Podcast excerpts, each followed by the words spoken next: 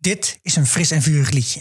De Nederlandstalige podcast over Game of Thrones. Pam pam pam pam pam pam pam pam pam pam pam pam pam pam pam pam pam Fris en vurig liedje, dat is dit. Fris en vurig liedje.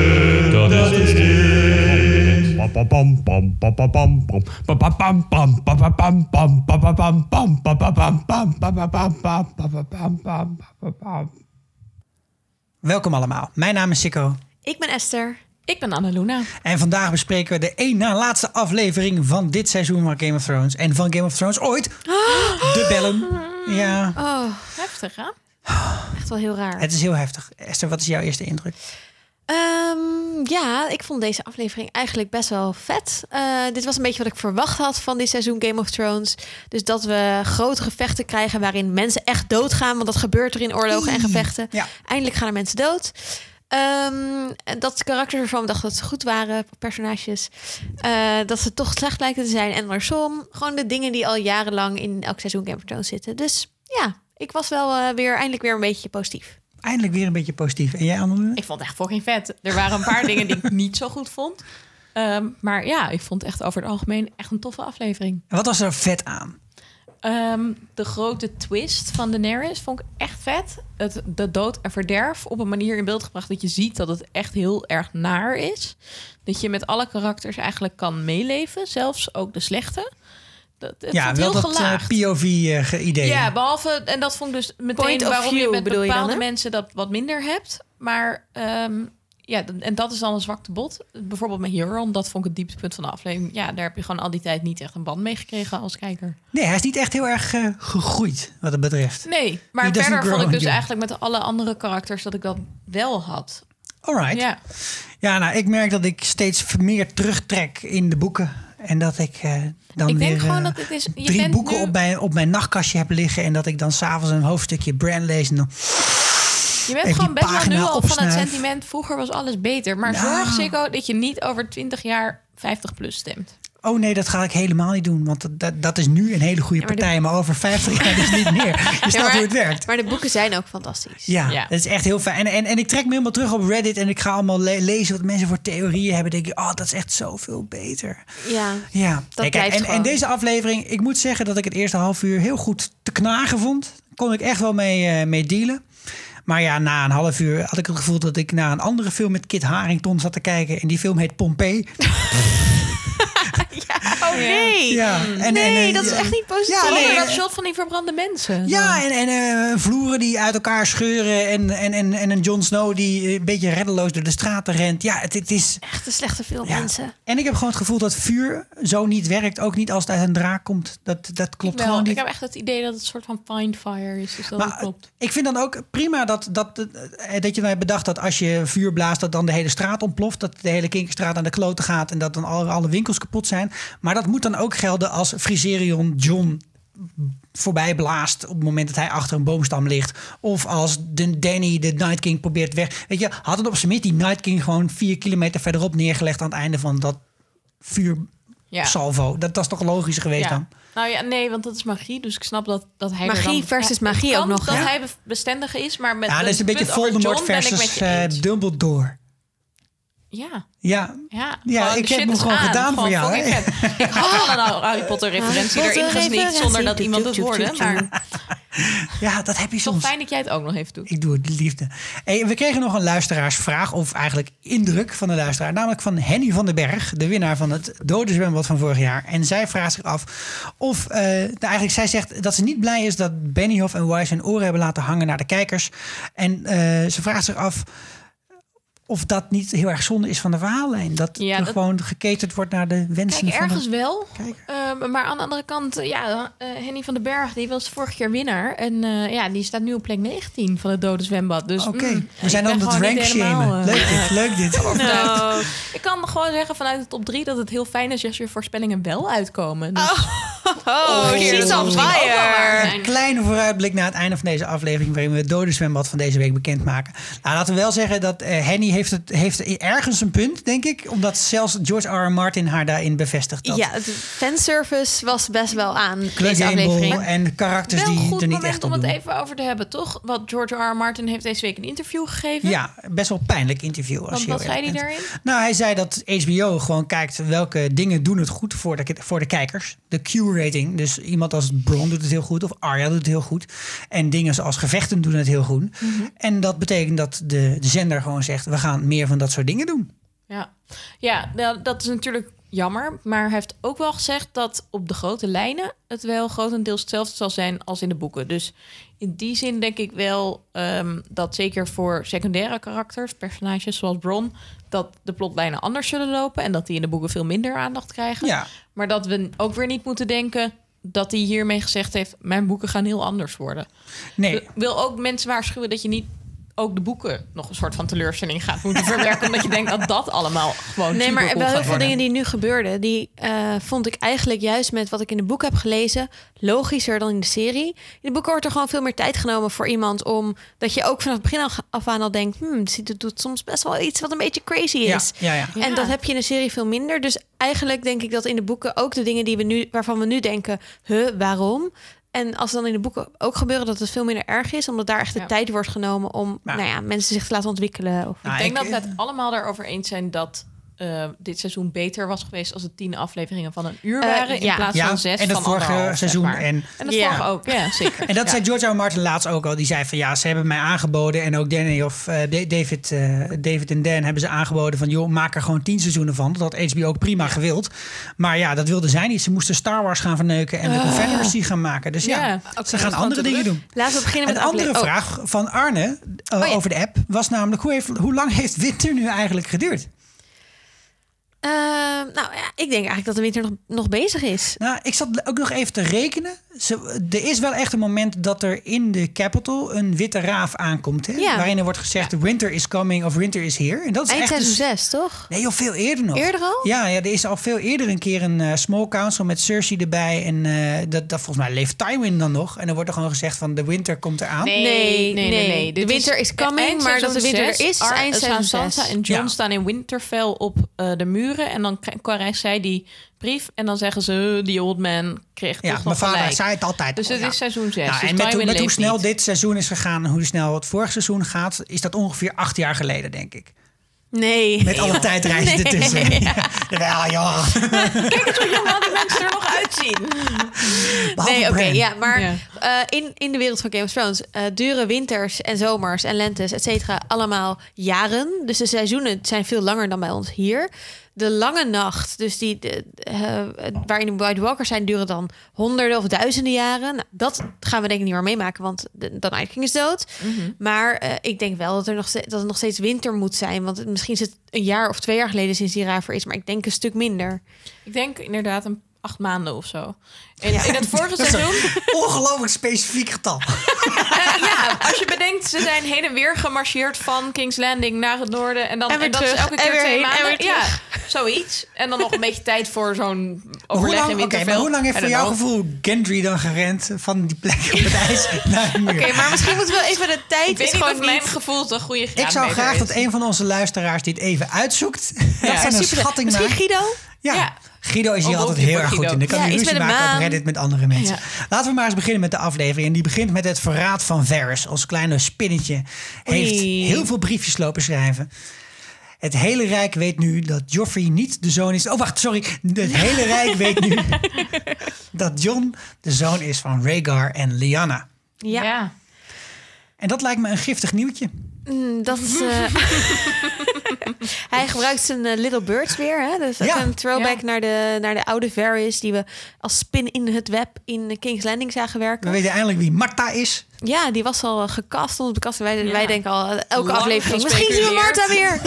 Of eindelijk. En Nora was deze aflevering ook eindelijk.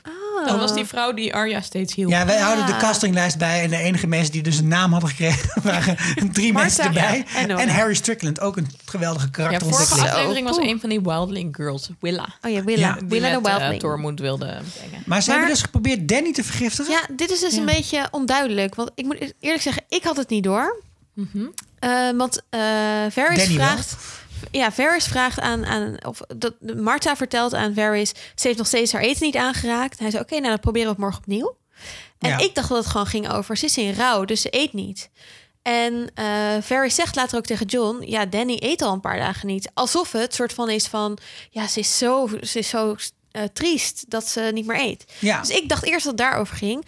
Totdat ik in de app cetera las van... oh, Varys heeft eh, geprobeerd te vergiftigen. En toen dacht ik, oh natuurlijk! Want dat is ook een throwback naar eerdere dingen die we over Varys hebben gehoord. Ja, en hij zegt tegen dat meisje, want dat meisje is beetje van, oh, ze houden hem in de gaten. Dus het meisje maakt wel duidelijk dat ze iets doen van niet mag. En dan zegt hij beetje van, groter het risico, groter de beloning. Ja, ik Ja. dacht dat het gewoon ging over dat ze spioneert... en dat ze het aan hem vertelt hoe het met haar gaat. Ja. Maar eh, ik ben helemaal eh, in voor de, de eh, vergiftigingstheorie. Maar ik kan me heel goed voorstellen als je nu luistert... dat je opeens denkt, wow, dit Ja. heb ik helemaal niet gezien. Had Ja, en ook. eerlijkheidshalve moeten we zeggen dat sommigen van ons het misschien wel dachten toen we de aflevering keken, maar we werden wel ingesterkt door een van de inzendingen van Daenerys op de app. Die zei van, hey, we zien Varys afstand nemen van Daenerys. En eh, je moet ineens terugdenken aan zo'n extra filmpje wat ooit is gemaakt, ingesproken door de acteur die Oberyn Martell speelt, dat Poison the preferred women, eh, weapon of women, cravens and eunuchs is. Maar zijn eigen speer was ook ingesmeerd met vergif, toch? Ja, hij is ook een craven. Oké, fine, whatever. Ja, maar Ja. eh Varys heeft toch ook eerder geprobeerd Danny te vergiftigen? Toen, eh, Ja, eh, lang geleden, ja, seizoen ja. 1. Zwaar. Dus eh, ja, dat is... eh, En dat is natuurlijk ook wel een meme die veel rond is gegaan op het internet de afgelopen dagen. Dat de enige die haar goed had ingeschat was Robert Baratheon. Die zei, je moet het nu met root en stem uitroeien, dit wens. Want Ja. het kan alleen maar slecht worden. ja. Zeker. Maar ja, daarna doet Varys iets wat ik echt heel erg on-Varys vind. Dat is namelijk op een strand, terwijl Tyrion staat te kijken, terwijl de mensen bijstaan. Ja, dat was met echt John. wel vrij hey, ik heb een ja. idee. Als jij nou gewoon Daenerys verraadt. Ja, nee, maar ik denk dat het een soort van wanhoopstaat was. Dat hij gewoon al helemaal door had van...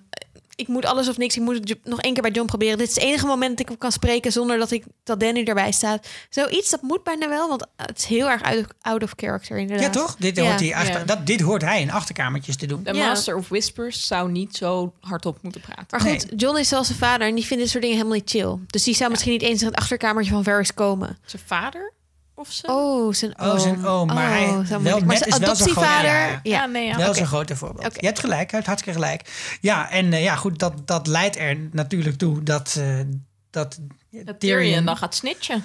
Ja, ook een hele domme snitch move van hem. Want hij is uiteindelijk degene die dat ook zelf aan Vers heeft verteld. Ja, ik vond het een beetje gek. En daarom was ik, bedacht ik me dat het waarschijnlijk wel verg- vergif moet zijn geweest. Want waarom wordt Varys nu wel gestraft en Tyrion niet? Want eigenlijk zijn ze dus, dat zegt Danny ook, dat ze allebei haar verraden. Ja. Tyrion heeft haar echt al elke keer opnieuw fucking slecht advies gegeven. Is, hij, is de enige reden dat hij Varys verraadt niet om zichzelf te besparen? Om soort van, ik verraad hem nu, zodat, 100%. Nee, zodat nee, we nee, niet... nee, nee, nee. Ik denk Tyrion heeft dit besproken met Varys. Zo van, wat moeten we hiermee? En Varys, vervolgens in de vorige aflevering hebben we gezien... dat Tyrion toch zegt... op een gegeven moment kies je een koning of een koningin... en dan ga je daar gewoon voor. Terwijl Varys zegt, waarom zou je dat doen? Je kunt echt nog best wel wisselen. En dan gaat Varys weg en dan zegt hij... ik heb geprobeerd zo openlijk te spreken als ik kon... en ik hoop dat het nou ja, goed. En ehm, Tyrion denkt dan, nou, laten we kijken of het hierbij blijft. En dan hoort hij dat gesprekje met John en dan realiseert zich... Varys gaat niet stoppen, hij heeft zich niet bedacht. Hij gaat er echt openlijk verraden. Terwijl Ja. Tyrion's verraad is meer het doorvertellen van een geheim... en dat niet van tevoren met Daenerys bespreken. Oké, en ik denk Ja, dus dat wel dat ze orde. weten dat hij haar heeft geprobeerd te vergiftigen en dat dat ook een logische reden is dan om te executeren. In ieder geval, dat vind ik logischer dan. Maar goed, op zich is de briefjes sturen naar andere, andere heersers ook die, wel een dat- reden Ik om. denk dat die kettingbrief een eh, slechter idee was. Ja, nee, true. die hebben ontdekt ook. ja. Nou, misschien Ja. hebben ze wel al die raven doodgeschoten. Of uh, Ja, maar- opgeroosterd door Drogon. Ik denk niet dat je de, de raven die uit je eigen kasteel wegvliegen... terwijl er geen vijand in de buurt is, openlijk, dat je die dan kapot Ja, schiet. Dus Kun je Drogon leren dat hij geen raafjes moet eten?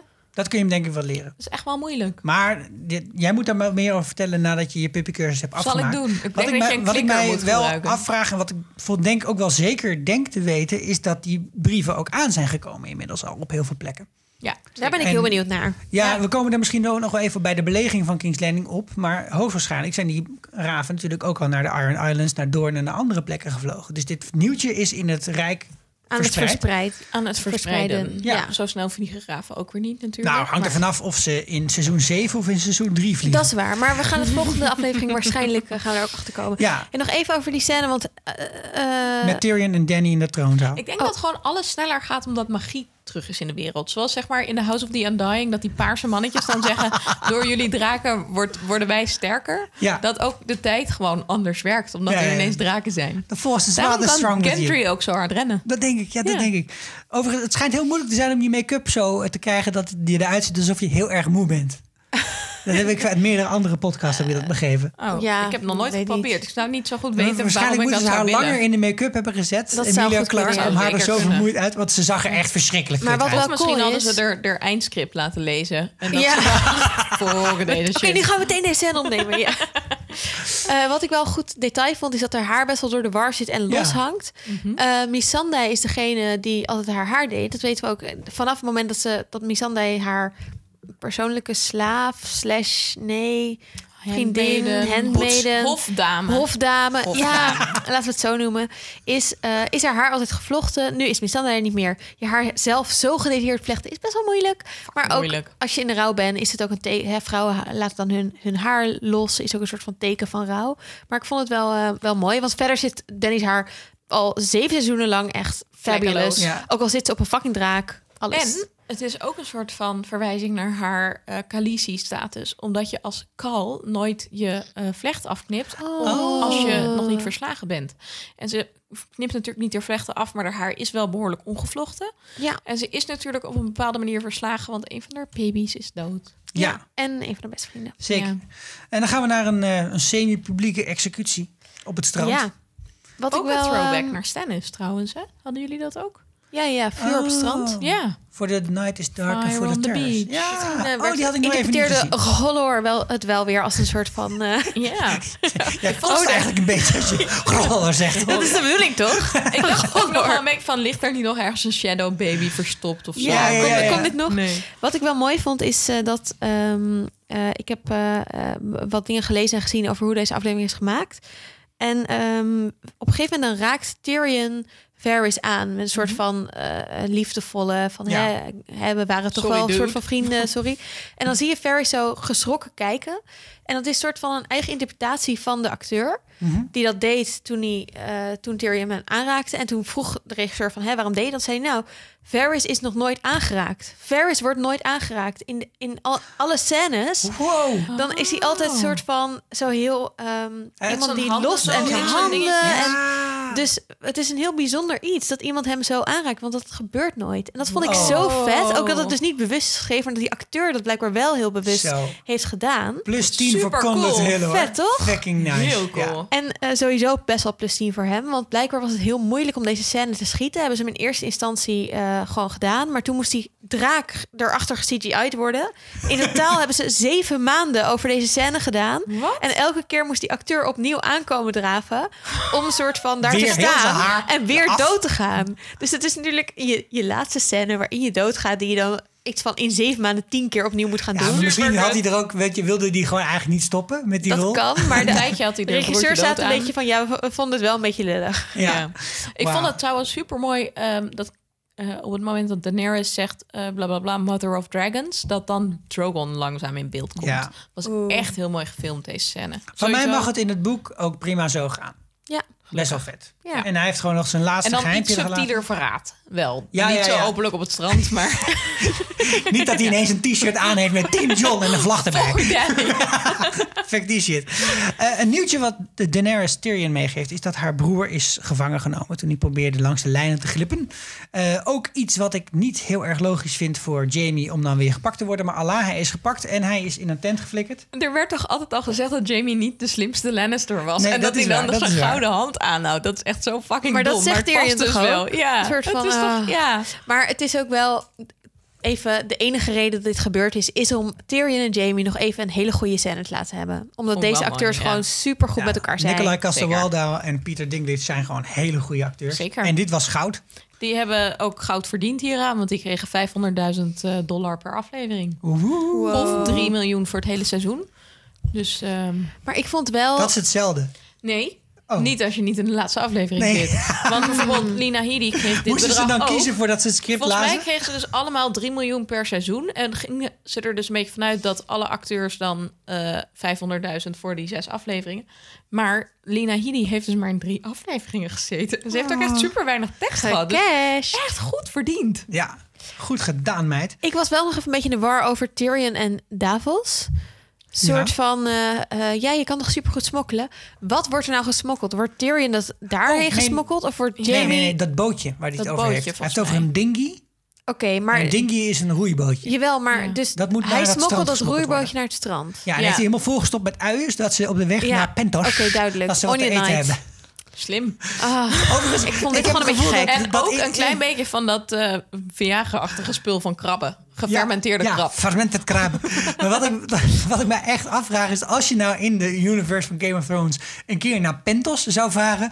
hoeveel mensen die door de Lannisters ooit een keer op een verkeerde manier gebruikt zijn... daar niet met z'n allen op één landhuis wonen. Ja. Want elke keer dat mensen moeten vluchten... moeten ze naar fucking Pentos. Maar weet je wat ik soort van raar vind? Dat soort, dat, dus we hebben wel nog eventjes Tyrion aan Davis vraagt... Kan je, wil je dit smokkelen doen? Die overigens verder niet uitleggen waarom. Want het is opeens belangrijk dat we weten... dat iemand ervoor heeft gezorgd dat het bootje daar ligt. Terwijl zoveel scènes zijn super losse eindjes. Heel Ja. onlogisch. Maar dit moet er nog wel even in. Dat vond ik gewoon gek. Ja, maar mensen en vinden daarom dacht ik, Davos waar leuk. gaat En het daarom moet eigenlijk hij in de aflevering. Want verder stelt hij namelijk helemaal geen flikker voor in Maar deze hele even, aflevering. want er, ja, hij heeft ook ineens een zwaard. Terwijl hij al die tijd heeft gezegd dat hij helemaal niet kan, kan niet vechten. Maar ik, Hij mist ook er een was een luisteraarsvraag van iemand die vroeg... was niet het plan van Tyrion om eh, Daenerys eh, Cersei te geven op een presenteerblaadje? Dat dus Jamie en Daenerys in dat bootje stappen... om de hoek ligt een schip klaar om ze te pakken. Ehm, vond een goede vraag, goed bedacht. Ja. Ehm, zou ook de aflevering een heel ander einde hebben gegeven. Ik dacht zelf meer dat Tyrion dit toch doet... omdat ja, zijn loyaliteiten echt ehm, verspreid zijn. Dus hij is en nog een beetje trouw aan Daenerys... en nog een beetje aan zijn familie. Hij heeft Nou, meermalen aan gezegd- Jamie, denk ik. aan Hij- Jamie, hij maar zegt misschien ook wel ook wel tegen aan het ongeboren kind van Cersei. Dat hij denkt, dat Ja. is toch onschuldig? Ja. En natuurlijk aan de onschuldige in King's Landing. Dat zegt hij ook. Van, en ik denk dat hij dat dus heel erg gezien heeft bij Varys. Dat die scène met Varys en Tyrion op het strand vond ik heel bijzonder. Omdat je de moed van Varys die zegt... ik hoop dat ik het goede heb gedaan. Ja, Ik hoop echt dat ik geen gelijk krijg. Maar als ik wel gelijk krijg, dan ben ik op zich blij dat ik mijn leven heb gegeven.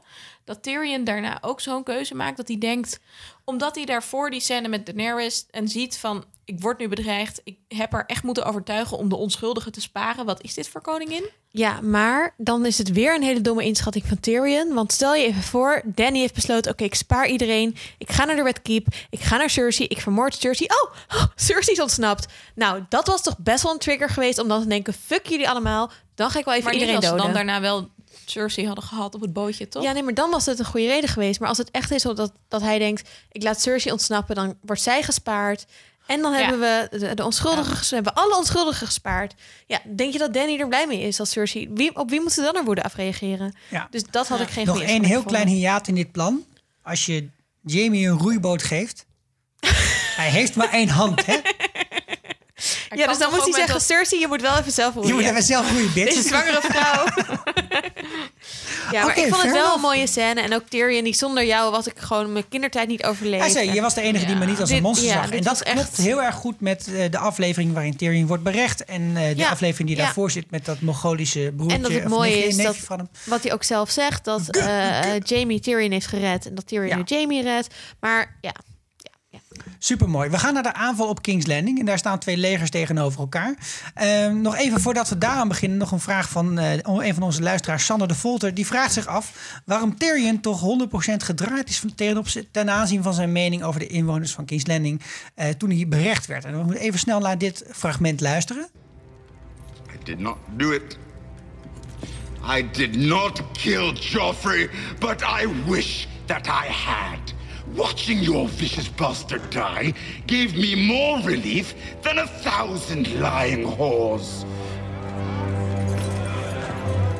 I wish I was the monster you think I am. I wish I had enough poison for the whole pack of you. I would gladly give my life to watch you all swallow it. Samarin! Samarin! Escort the prisoner back to his Zelf bij Jamie, die zegt... ehm, to be fair, I've never really cared about the innocent Ja. of zo. Terwijl die Dat Mad King waar. voor zijn flikken heeft gestoken om al die mensen te redden. Ja, Dat is toch ook heel raar? Ja, dat is niet gek. heel consistent. Nee, er Ja. zitten wel een paar... Wel een mooie throwback Ja. naar een van de mooiste afleveringen van Game of Thrones ooit. Ja, The zeker. Laws of, Go- Laws of Gods and Men. Hebben we ooit een Zeven Mijlslaarse aflevering over gemaakt. En Kissed Terugluisteren. by Fire. Ja. Hebben we ook gedaan. Maar verder, twee legers tegenover elkaar. En daar komen eigenlijk die vragen die we net al stelden weer naar boven. Waar is de prins van Doorn? Dat was nog een bondgenoot. Waar is Gendry Baratheon met zijn mensen uit Storm's End? Waar is Yara Greyjoy? Waar is Howland Reed? Waar is Howland Reed? Waar blijft hij? Waarom zijn de er in aflevering, zoveel. Dothraki? Die waren toch met z'n allen dood? Of had jij daar een theorie over? Nee, de helft. De helft. De helft. Hebben ze niet stiekem gewoon dat ze niet naar het noorden zijn of naar de, de, de White zijn gegaan, maar dat ze stiekem een dingetje hebben uitgeblazen en heel erg zo. Ja. Slim, want je hoeft Het hem alleen maar in de, in sneeuw te gooien, toch? Ja. En dan gaat hij vanzelf Dus, uit. hoe, dus wat, even, de theorie die jij nu neerlegt, Esther, is dat, dat ze dus met 10 of 20.000 Dothraki er naartoe zijn gerend. en dat halverwege het rennen hebben 10.000 Dothraki hun Onder leiding zwaard van uitgeblazen. Zo, geblazen zo. en zijn ze gewoon weggerend. Ja, ze dachten, wat doen we hier eigenlijk? Nee, fuck dit. Ja. This is not our country, people. Jorah dacht, als ik dit nu zeg tegen iedereen, dan is meteen de motivatie weg. Wij gaan gewoon door. Doe gewoon alsof ze allemaal dood zijn. Ja. Maar ik had echt, omdat ze de vorige aflevering eh, zo duidelijk zeiden... tijdens die strategiebespreking van de Prince of Dorn... heeft zich eh, bondgenoot verklaard. Ja, dacht ik van nou, Die Yara die gaat die Iron, Iron eh, Fleet van Euron aanvallen... en we krijgen extra versterking aan twee kanten van de stad. Ik had echt, ja, ik had wel wat meer verwacht eigenlijk... van wat er aan belegering zou zijn. Überhaupt nemen ze hier een katapult mee, weet je... niet- Ja, nee, dat sowieso. Ik bedoel, als, eh, als die draak weer was gekild, dan eh, hadden ze geen kans gehad. Want eh, ze hadden geen ballista's, geen Ja. eh touwen, geen touwladders, helemaal niks. Er waren geen loopgraven Er bijvoorbeeld. waren geen loopgraven. En wel weer zo'n super goede move. Wat een soort van ding is in deze wereld dat je met je leger voor de poort gaat staan. Dat is helemaal niet handig. Dat is super onhandig, toch? Maar goed, oké. Ehm, maar dan kon Harry Strickland wel super mooi op zijn paard mooi boy. Dus, Oh, een mooi boy. Prince Charming, hè? Ehm, Wat fijn dat we zo goed aan, hebben leren eh, kennen aan ook, hè. Harry Ah, Strickland. De zo home is fijn. Harry Ja, deze man heeft zich echt in mijn hart gesloten. Ja, Het deed zo'n pijn dat hij doodging. Het was echt wauw. Ehm, het- volgens de regisseurs, eh, regisseur is het, of, of ik weet niet meer wie het zijn, maar goed, ehm, dat het duidelijk moest worden uit deze stand-off. People have come here for blood. Oh, oké.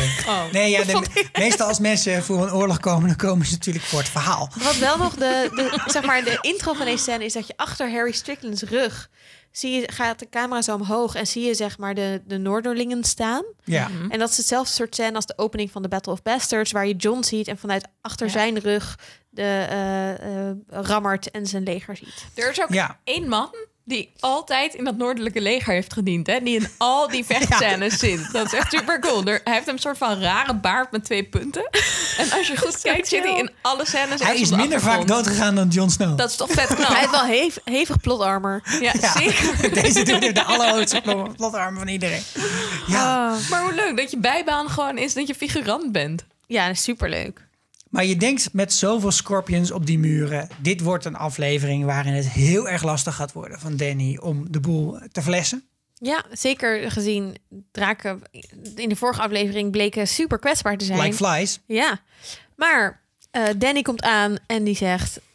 Burn them all, motherfuckers. Er is één ding voor Nou te ja, zeggen. tegen Dat ga ik zeggen. Dat ga ik, ga ik de, de makers ook geven. Ga ik ze poetsen. Ik van, nou oké, prima.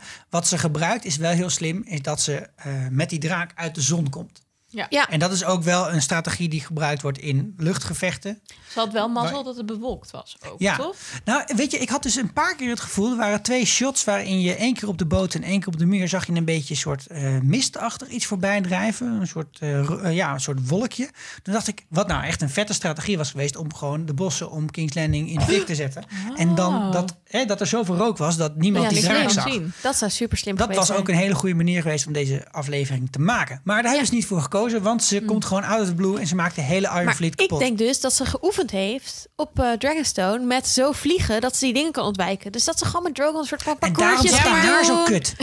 Dat kan. Ze was gewoon de hele tijd... Nee, ze wilde gewoon... Ze, Ray- she hasn't Drogon left aan her chambers, werd toch gezegd? Oké, misschien. Misschien- Maar nou en ja. misschien was het ook wel zo dat Maar dit is moeilijk Rhaegar- binnen, binnen kamers oefenen is moeilijk met drogen. Ja, Rhaegal was Rhaegal- sowieso gewond. Ja, was gewond. En ehm, die werd niet bestuurd door een mens. Dus Ja. misschien dat hij ook gewoon een soort van mensen hun gedrag met die pijlen wat minder kan goed kan inschieten. Inschatten. Eh, inschatten. Mooi. Ik maakte hier een onbewuste woordgrap. En eh, dat Danny wel een soort van natuurlijk Drogon bestuurt. Dus We kregen nou ja. ook nog een luisteraarsvraag van eh, Thomas. Namelijk of Drogon niet ook een soort van upgrade heeft gekregen... omdat Varys op het strand verbrand is. En Varys bloed natuurlijk heel nuttig was. Dat Ja. hebben we in eerdere seizoenen gehoord. Nog zoiets waar, we- waar, waar we nooit meer van zullen weten wat er nou gezegd is. Hè? Door Tenzij Holler de in het boeken toch nog afkomen. Ja, maar niet in deze serie in ieder geval. Ja, nee. Eh, maar is het, we is het- volgende week gewoon Brandpedia is. Dat Ja, zou ik ja, wel ja. leuk vinden. Oh, chill. Dat zouden ze echt moeten lanceren. dat ze een behind the episode hebben alleen maar met Bran. Brandy alles aan elkaar gaat praten. Gewoon de hele episode zelf. Van, oh ja, jullie willen ook nog dit weten. En dit. En Ik moet zeggen, ik voel mij ook steeds meer zoals Bran. Die zegt, I mostly live in the past now. Dat is voor mij ook hoe Game of Thrones voor mij We kunnen wel na het seizoen een lijst maken met alle onbeantwoorde vragen. En dan als het nieuwe boek uitkomt, dat wij dan even voor de luisteraars Oh, alle vragen gaan beantwoorden wat er in het boek zit. Doen we Vind met liefde voor jullie. Maar ja, het zou kunnen zijn dat het offer van Varys aan de, aan de vuurgoden eh Drogon meer power heeft gegeven. Maar aan de andere kant kregen we van Maurits uit Den Haag de vraag... moet Drogon niet ook af en toe een keer bijtanken? Want ja, het is ook weer zoiets. Het is magisch, prima hè? dat Draken je- zijn magisch. Ja, ze zijn magisch. Maar dat, je moet er wel iets in de brand steken. Hè? Je hebt drie dingen nodig voor brand. Namelijk een ontstekingstemperatuur, zuurstof en een in brandstof. onze wereld, maar draken zijn magisch. Maar gaat er heel veel tijd voorbij? nou, er wordt Terwijl gewoon... die bezig is? Ja. En er worden ook wel... Nou, gewoon iets van 80 minuten of zo. Ja, oké. maar goed, je kan toch wel verwachten van een volwassen draak... dat die 80 miljoen minuten vuur kan spuwen. Ik weet het echt niet. Mijn oven kan ook gewoon echt wel lang. Is daar een Ja, maar die is zee? aangesloten op het stadsgas.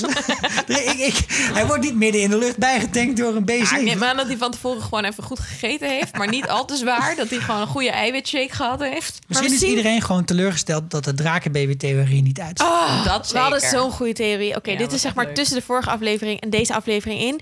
eh, dat ehm, eh, een tijdje lang is Drogon even kwijt geweest. Seizoen 5, seizoen 6. Seizoen 5, ja. Ja, vijf, Ja. vijf tot zes is hij Was, was Danny, oh no, waar is Drogon? En de theorie is dat hij toen ergens eieren heeft gelegd. Misschien in, In Valeria. Valeria. Dus dat Omdat hij naar Valeria is gevlogen. want daar daar komen draken vandaan. Ja, En dat hij daar draken eieren heeft gelegd. En dat dan nu opeens dat Juras aan het kijken is. Wat gebeurt daar? En dat er dan vier draken aankwamen. Namelijk drie drakenbaby's die inmiddels ook groot zijn. En helemaal rogue gaan. Omdat ze nooit zijn opgevoed door mensen. Hoe vet was dat geweest? En het zou Die en kloppen die. met de credits. Omdat je dan één draak ziet en drie drakenbaby's. Maar de draak is toch alleen maar Daenerys. Wat ik echt saai vind. De grote Ja. draak en dan de drie kleine er waren zoveel clues dat dit echt zo had gekund. En Dat was het zo vet geweest. stel me echt teleur dat het niet zo was. Ehm, maar wat gebeurt er dus? Danny die maakt al die, eh, al die pijlen dingen kapot. Scorpions. Scorpions. En dan gaat ze heel sneaky, maakt ze een soort van duikvlucht de stad in of zo. Zodat ze achter de muur Ja. kan komen Ja. waar de Golden Company voor staat. Zodat zo oeh, door die muur heen kan blazen met Drogon Ja, en, dan superveel vuur. het steen. Eh, waardoor het steen ontploft, want dat gebeurt. Hiervan dacht ik ook echt... ik bedoel, ze had met eh Grey Worm afgesproken van... Je weet wanneer het tijd is. Dus hij wacht tot Ik heb een heel subtiel teken voor je. Meestal denk je dan een beetje van... Wow, dat is echt slecht. Waarom zeg je niet gewoon heel duidelijk wat je wil? En waarom moet het altijd zo subtiel... Meestal zit zodat je als kijker niet zijn weet oor, waar weet je op moet letten. Oh ja, nou ja, goed. Maar dit keer was het wel eens van... Oké, ja, zelfs ik zou nu denken... Oké, dit, dit is het Dit moment. is wel echt een moment. Ehm, eh, Ik heb een doofstomme tante die het zag. ik heb dus die Beyond the Scenes documentaire gekeken. Die, die maken ze nu steeds na elke aflevering. Om het goed te praten. Ik heb een aantal momenten gehad tijdens het kijken dat ik wel dacht... oké, terwijl ik kijk naar de aflevering... ben ik echt niet bezig met hoe fucking moeilijk het is om dit te maken. Bijvoorbeeld dat ze gewoon een aantal van die poorten moeten bouwen... en dan elke keer opnieuw in de fik steken... zodat ze van meerdere kanten kunnen filmen. Maar ook dat er allemaal mensen die zeg maar in de brand staan... dat ze dat echt gaan opnemen. Dus dat er gewoon 28 man in de fik worden gestoken... of 26 man. Eh, dat soort van... dus vier werden er, of vijf werden er van tevoren al aangezet... voordat de scène werd Sorry, opgenomen. maar dit zijn wel dummies, en de toch? rest, nee, echte mensen... Wacht even. met pakken aan en zo. Ik heb dat dit niet heel erg Die andere is mensen die, staan, die stonden allemaal op een soort van ontvlammerding. Er zijn Die allemaal tegelijkertijd werden ontvlamd. En dat ze een soort van half in de fik stonden. En dat ze allemaal hun persoonlijke blusser hadden voor zodra de scène zeg maar gekut werd. Mama kraken. Maar het is echt heel erg ziek. Dus zeg maar, je ziet zo'n scène en het is letterlijk vier seconden of zo. Zo, Blast, mensen die rennen, oh, scène is voorbij. En dat kost waarschijnlijk gewoon echt twee weken om te Nou ja, filmen als met het al allemaal zeven maanden duurt om, om, om fucking version effect te zetten. Weet je niet hoe lang zie je. Daarom is het anderhalf jaar I dat er zo'n nieuw ja. seizoen Ik is. snap Ja, wel is waarom wel het best wel intens. was. Zodat je dan automatisch een brandblusser en de zee Ja, in de ja, ja, hebt. ja, zo. zeker Ja, slim. ja. ja, en ze hebben dus ehm, de hele, heel King's Landing hebben ze nagebouwd. Want het werd natuurlijk gefilmd in de Dubrovnik. Maar Die kan je niet gewoon Dat kan je drie niet. keer achter elkaar in de fik nee, dat is gewoon een beetje Eén moeilijk. keer is al, is al pushing it. Ja, moeilijk. En toen keken ze in Belfast een beetje uit hun productiekantoor. En dachten ze, ja, die parkeerplaats hierachter, die kunnen we misschien wel gewoon gebruiken. Dus toen hebben ze zeg maar een enorme set gebouwd. En ze moesten van alle gebouwen die ze gingen ontwerpen... moesten ze niet alleen de versie hoe het er gewoon uitzag... maar ook de versie hoe het er totaal afgebrand uitzag. En wat ze uiteindelijk hebben gedaan... is eerst de helemaal uitgebrande versie gebouwd... en daaroverheen de dingen geplakt, zeg maar, die het Frontje. heel zijn. Zodat ze soort van die lager af konden gaan pulken. En dan de scènes in de verwoeste stad Oh. konden opnemen. Wauw. Ja, dat is allemaal best wel intens. En ze hebben een hele muur gebouwd van containers voor die, eh, voor die set. Omdat er allemaal mensen met drones en zo kwamen vliegen... om te kijken hoe de set eruit zag. Ja, ja, ja. Om een soort van Ja. spoilers te En hebben. toen hebben ze die containers dan weer ge-Airbnb'd, omdat ze wat geld nodig hadden. Dat zou kunnen. En, omdat er de zoveel set mensen designers... Game, Game of Thrones toerisme wilden. Ja, dat Ja. Dubrovnik schijnt echt helemaal niet meer leuk te zijn om te wonen. ja, dat is nog erger dan. Venetië inmiddels. Ja. En de set designers die hebben ook hele mooie eh, details gemaakt in die set. Waaronder bijvoorbeeld een soort van twee panelen met een D erin. Super mooi gemaakt. Want ehm, Een D? voor Benny of en Weiss, die heet allebei een D met een voornaam. David Serieus? Maar serieus? Ja, Dat is echt super pas next kotsy. Voor mij mag Echt wel zo Eh, nog eventjes wou ik een punt inbrengen van Sander. Eh, die zei dat ook de helmen van de Lannister-soldaten eh, details hadden gekregen. Namelijk dat die met wol zijn eh, gevoerd. Oh, Om dus toch duidelijk winter. te maken dat het winter is. Ja. Oké, oké. Hey, dan zijn alle scorpions verbrand en is de poort van binnen eh, opgeblazen. De slag begint en mensen gaan rennen. En eh, nou ja, dus Har- Harry Strickland. Bye bye, aan. Hersikland. Zijn paard die ligt daar ergens op de grond. Dus en, een eh, paard wordt, in eh, wordt eh, echt eh, ver, vervuurd. Ver, hoe zeg je dat? Verbrand? Verbrand, ja, dat zie je ook. Een en dat zeggen ze, ja, ja, dat zeggen ze ook. Eh, in, de, in die eh, eh, even the episode. behind the episode, whatever. Iets van, ja, zijn hele, zijn hele eh, paard vat vlam, bla, bla, bla.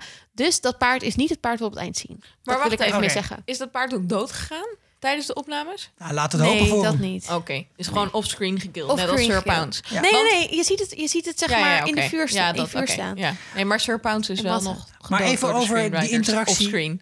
No, is het echt? Nou, ze hebben gezegd dat hij dood is, maar ze hebben hem niet zelf de nek omgedraaid. Nou, Ja, wist je dat nee, dat wist ik niet. Oh, sorry. Ik ga even wat. Kleenex halen. Ik vroeg het omdat in hele oude films, bijvoorbeeld bij Ben Hur, worden gewoon touwen aan paardenhoeven ge- ge- vastgemaakt. En dan worden die gewoon zo er onderuit getrokken om die paarden te laten vallen. en er gingen dus echt fucking veel paarden altijd dood en allemaal andere Oh, nee, dieren. en inmiddels gebeurd. kan dat volgens mij, mag je dat re- dierenrechten Zou technisch het? meer. Nee? Oh. Nee, Je mag ver- wel dus de hele set gewoon saté laten eten. Dat is verder geen probleem. Maar ja, Nee, maar ik vertelde dat er dus mensen waren die dachten dat het paard waar Arya op het mee eindigde, Ja. dat het paard was van Hersikland. Ja, en dan is er de aanval van de Unsullied en Dothraki op het leger van Harry Strickland... dat ongeveer eh, als een soort domino-spel op de grond ligt. Ik moet zeggen, de grootste oorlogsmisdadiger... iedereen denkt natuurlijk dat is Danny, maar die Grey Worm die kan er ook wat van, hè? Ja, maar die is natuurlijk enraged. En hij is opgeleid als een soort van moordmachine. Ja, en meerdere keren dat iemand hem de rug toekeert... waaronder Harry Strickland en die hopcommandant van de Lannisters... dan pleurt Ja. hij er gewoon een speer in. Het kan hem geen reet schelen. nou ja, het kan hem, wel- hij doet gewoon wat zijn leider doet, toch? Hij is een Unsullied, dus je moet gewoon doen wat de baas zegt. En de En baas zijn zegt doel in het leven dus is, is eraan. Hij is nerg- Deze mensen hebben zijn levensdoel Ja. vermoord. dat is het ook. Hij is ook nog eens een slechte Unsullied, want hij doet wel Ja. wat de baas zegt, maar hij Met doet emotie. het ook met emotie. Ja, Hoort ja. niet. Hoort niet. Nou ja, het helpt wel, want binnen de kortste keren is King's Landing eigenlijk gevallen. Of in ieder geval het grootste gedeelte ervan, toch? En eh, dan krijgen we een grote stand-off tussen het noordelijke leger en de Lannisters. En eh, dat vind ik wel een mooi moment om even stil te staan bij onze donaties. Oké, mag ik dan Oké. nog een beetje wijn? Dat Zeker, eh, is, mag. is ook een mooi moment. Eh, ja, we hebben weer een aantal donaties ontvangen. En dat is super fijn, want daar kunnen we allemaal dingen van betalen. Zoals ons Soundcloud abonnement, onze website, de microfoons waar we hier doorheen praten, Niet te wijn. et cetera. Ehm, en die zijn deze eh, keer binnengekomen door mevrouw Rijman. Dankjewel, Marta. bedankt. Eh, Joyce heeft de kelken teruggebracht. Yippie! Die zijn eerder, we hebben eerder echte kelken gedoneerd gekregen. Daar drinken we nu ook eh, heerlijke wijn uit. Ehm, ja, goede wijn. Rosso Piceno. Ja, heel Goed, lekker. eh. En eh, natuurlijk eh Klaartje Vinkenburg die zegt... dank voor de geweldige podcast. De woordgrappen en de wetenschappelijke, tussen aanhalingstekens, onderbouwingen... maken het een genot om naar te luisteren. Dubbel het plezier van een nieuwe aflevering. Nou, dat is heel lief. Dankjewel. En Klaartje had nog een hele goede vraag ook gesteld, maar die gaan we bespreken in de terugblikaflevering. Oeh, ja, we, was te dus groot we voor hebben alvast wat dingen een beetje doorgeschoven... naar de grote terugblikaflevering. Ja, maar toen daar wat over zeggen. Ik denk dat wij twee afleveringen gaan maken als terugblik. Eentje namelijk over seizoen 8 en eentje over heel Game of Thrones. Ja, Dus alle ideeën, vragen, opmerkingen, echt theorieën. Als je mooie uitgewerkte shit hebt, stuur het lekker op. Dan En als jij vet boos bent omdat jij al drie keer een vraag hebt ingestuurd en we hem nog nooit besproken hebben, dan is dat misschien wel omdat we hem in de terugblikaflevering doen. Dus of blijf vooral omdat het luisteren best wel tot die slechte tijd. vragen zijn. Verder, Ik motiveer mensen om te luisteren, Sikko. hey, ik ben niet hun vriend. Ik ben gewoon iemand die een podcast maakt. Wat wij gaan bespreken is het grote moment waarop de bellen gaan ringen. It's all around the world, just la la la la. And everybody's singing la la la la. And now the bells are ringing la la roept, ring the fucking bells, bitch. Ja, het is wel een beetje gek dat de, de bells die ringden ook eh, toen eh Joffrey doodging. En Dus- toen Blackwater Bay was binnengelopen met een Maar dit aantal is boten. je communicatiemiddel met je mensen. Dit Oké. is in de middeleeuwse stad is het heel gebruikelijk dat de bellen voor meerdere dingen worden ingezet. nou, Ja, maar dan moet wel iedereen eerst een memo krijgen wat het betekent, toch? Nee, meestal is het zo, de bellen gaan rinkelen zodat mensen weten dat er iets aan de hand is. En dan ga je de straat op en dan wil je horen wat er is. En dan worden er verschillende herauten worden de stad doorgestuurd op een Herauten. paard. En die gaan dan schreeuwen, bla bla bla, dit is het laatste nieuws. Bla Ja. bla bla. Oké, goed Nou, om zo te in weten, dit want daar geval was veel was het- commentaar over. Maar we ja, hebben een kutkoningin, we hebben een kutkoningin. De stad Maar is gevallen. Dat ik denk wel dan. dat ik weet waarom Cersei niet van bellen houdt. Shame, shame, shame, shame. Ja, die heeft een bellentrauma. Die heeft een bellentrauma. Deed er een belletje rinkelen. Dat vond ze niet heel erg fijn. Nee, maar we hebben die stand-off en iedereen staat stil, eh, zeg maar. De Lannisters hebben zich eigenlijk overgegeven. Ja, hè? Die de laten zwaarden de zwaarden Ik vond het echt een vette scène. Ja, dat was cool. Maar dan zien we Danny. En die, eh, ja, die beseft zich eigenlijk... In ieder geval, oké, dit is mijn interpretatie. Hè? Want eh, dit is het moment. Want dan zien we Danny. En dat is natuurlijk... Hey dude, what the fuck, dude, what the fuck? De Westeros, what the fuck van de week. Ja, Danny die, eh, die, is- ja, die is verdrietig. Die realiseert zich... Oké, volgens, mij, ja, volgens mij moeten we even allemaal onze interpretatie geven van dit moment. Ja. Want Ma- ma- mag ik beginnen? jij mag beginnen. Ja. Want ik denk dat ik het minste erin zat in het moment van, van iedereen hier aan tafel. Ik zag dat. En ik zag aan haar hoofd wel dat zij naar die Red Keep keek en zij dacht, zoals ik het in mijn hoofd had van, die fucking snol heeft gezegd dat ze ons zou redden, dat ze ons zou helpen. Ze is niet opkomen dragen en uit ze ons allemaal verneukt. Maakt me niet uit of de belletjes ringen, ik ga er gewoon pakken. Maar wat ik echt op dat moment dacht, was dat ze direct naar de Red Keep zou vliegen. En dat is niet gebeurd. Dus ik snapte helemaal niet wat hierna gebeurde. Ik volgde het niet. Het spijt me. Ik vind de hele verhaallijn met Boog en gekke Danny allemaal best oké opgebouwd. Maar dit moment eh, deed Ik het dacht niet. echt iets heel anders. Ik dacht, ze kijkt naar de Red Keep en ze denkt, ik ben zo dichtbij. Maar als ik deze stad inneem en John is onderdeel van het overwinnende leger, dan heeft hij de steun van veel meer mensen dan ik heb. En dan, ondanks, stel dat ik met hem trouw, zelfs stel dat ik hem eh, ruler of the North maak, er zullen altijd mensen zijn die mijn Ja. heerschappij betwisten. En de enige manier waarop ik nu kan zorgen dat mijn heerschappij veiliggesteld wordt, is met angst. En daarmee maakt ze ook haar eigen paranoia eigenlijk waar. Ja. Want ja, nu doet ze het met angst. En dat betekent dat ze nooit met liefde zal winnen. Maar in die zin vond ik het dus heel verklaarbaar en ook wel goed opgebouwd. Ja, maar, ik, maar jij voelde dat ook echt op dat moment? Je zag Ja. dat in haar ogen? Ja, Oké. Want ik heb deze. Ik, dit is, ik ben het eens met je analyse. Ik denk dat het een slimme move was. Dus dat ze op deze manier. Dit was haar enige manier eigenlijk dat ze de macht kan behouden. het was een tactische move. Een tactische move. Maar dat, was, dat is achter. Dat is nu zeg maar hoe ik er nu over nadenk. Op het moment zelf dacht ik eigenlijk vooral haar te zien als een soort van. Oké, dit is het grote moment dat de stad aan me wordt overgegeven. En ik ben helemaal alleen. Ik heb niemand. De Grey Worm beneden is nog voor haar aan het vechten. Maar verder is niemand eigenlijk echt meer in haar team. Ehm, ze ze zit in een stad die, die het staat eigenlijk voor alles waar ze wat ze verschrikkelijk vindt.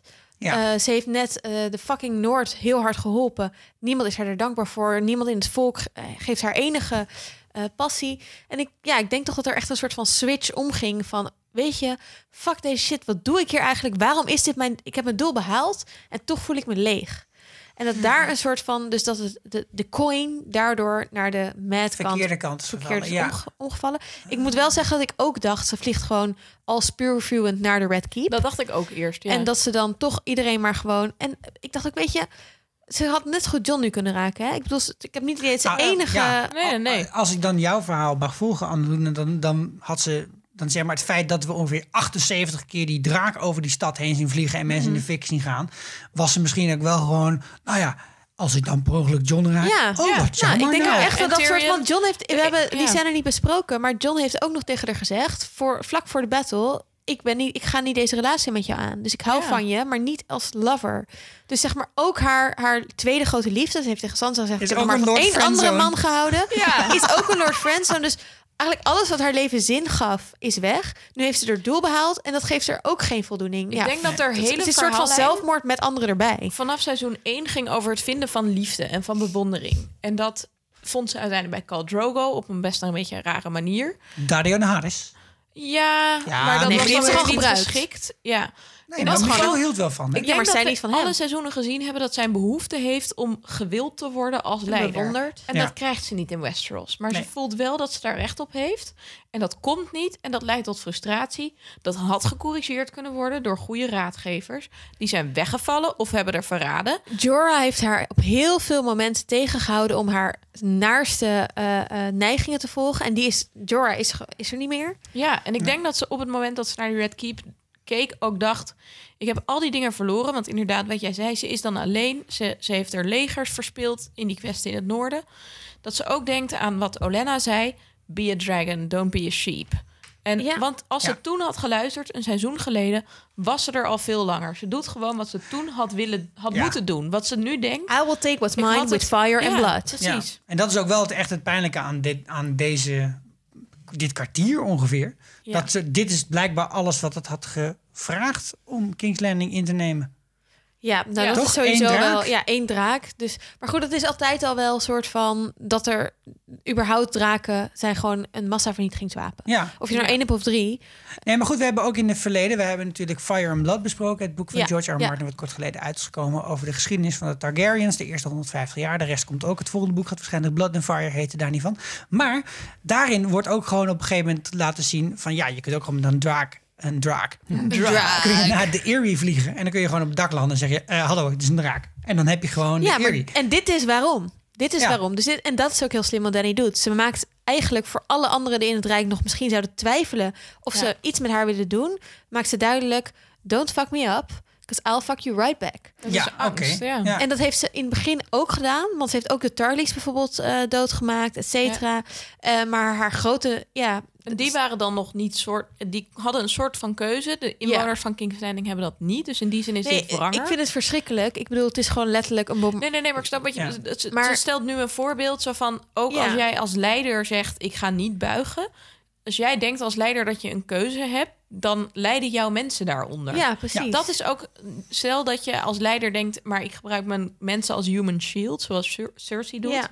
Dat gaat niet werken. Nee. Iedereen gaat er dan aan. Maar En- ik probeer ook al wel sinds seizoen 6 te volgen wat ze nou eigenlijk precies wil. En ze heeft vaker gezegd van I want, eh, ik wil niet dat het wheel anders gaat draaien. I want to break the wheel. Mhm. En de enige cynische houding waarmee ik deze aflevering eindig is... ja, als je iedereen doodmaakt, dan is het wiel wel kapot. Ja, maar maar ik dat ben er- was toen toch al in die scène zo van... ja, wat wil je dan? Dat is wat jij ook wil, is, is tirannie. Maar ik moet wel zeggen, ik ben het ermee eens dat, zeg maar, kijk, vanuit de boeken vind ik het dus best wel logisch dat zij, of vind ik het niet gek dat ze een soort van een Mad Queen wordt. Want in de boeken zit je best wel vaak in haar hoofd, want het wordt vanuit verschillende Ja, point of views geschreven.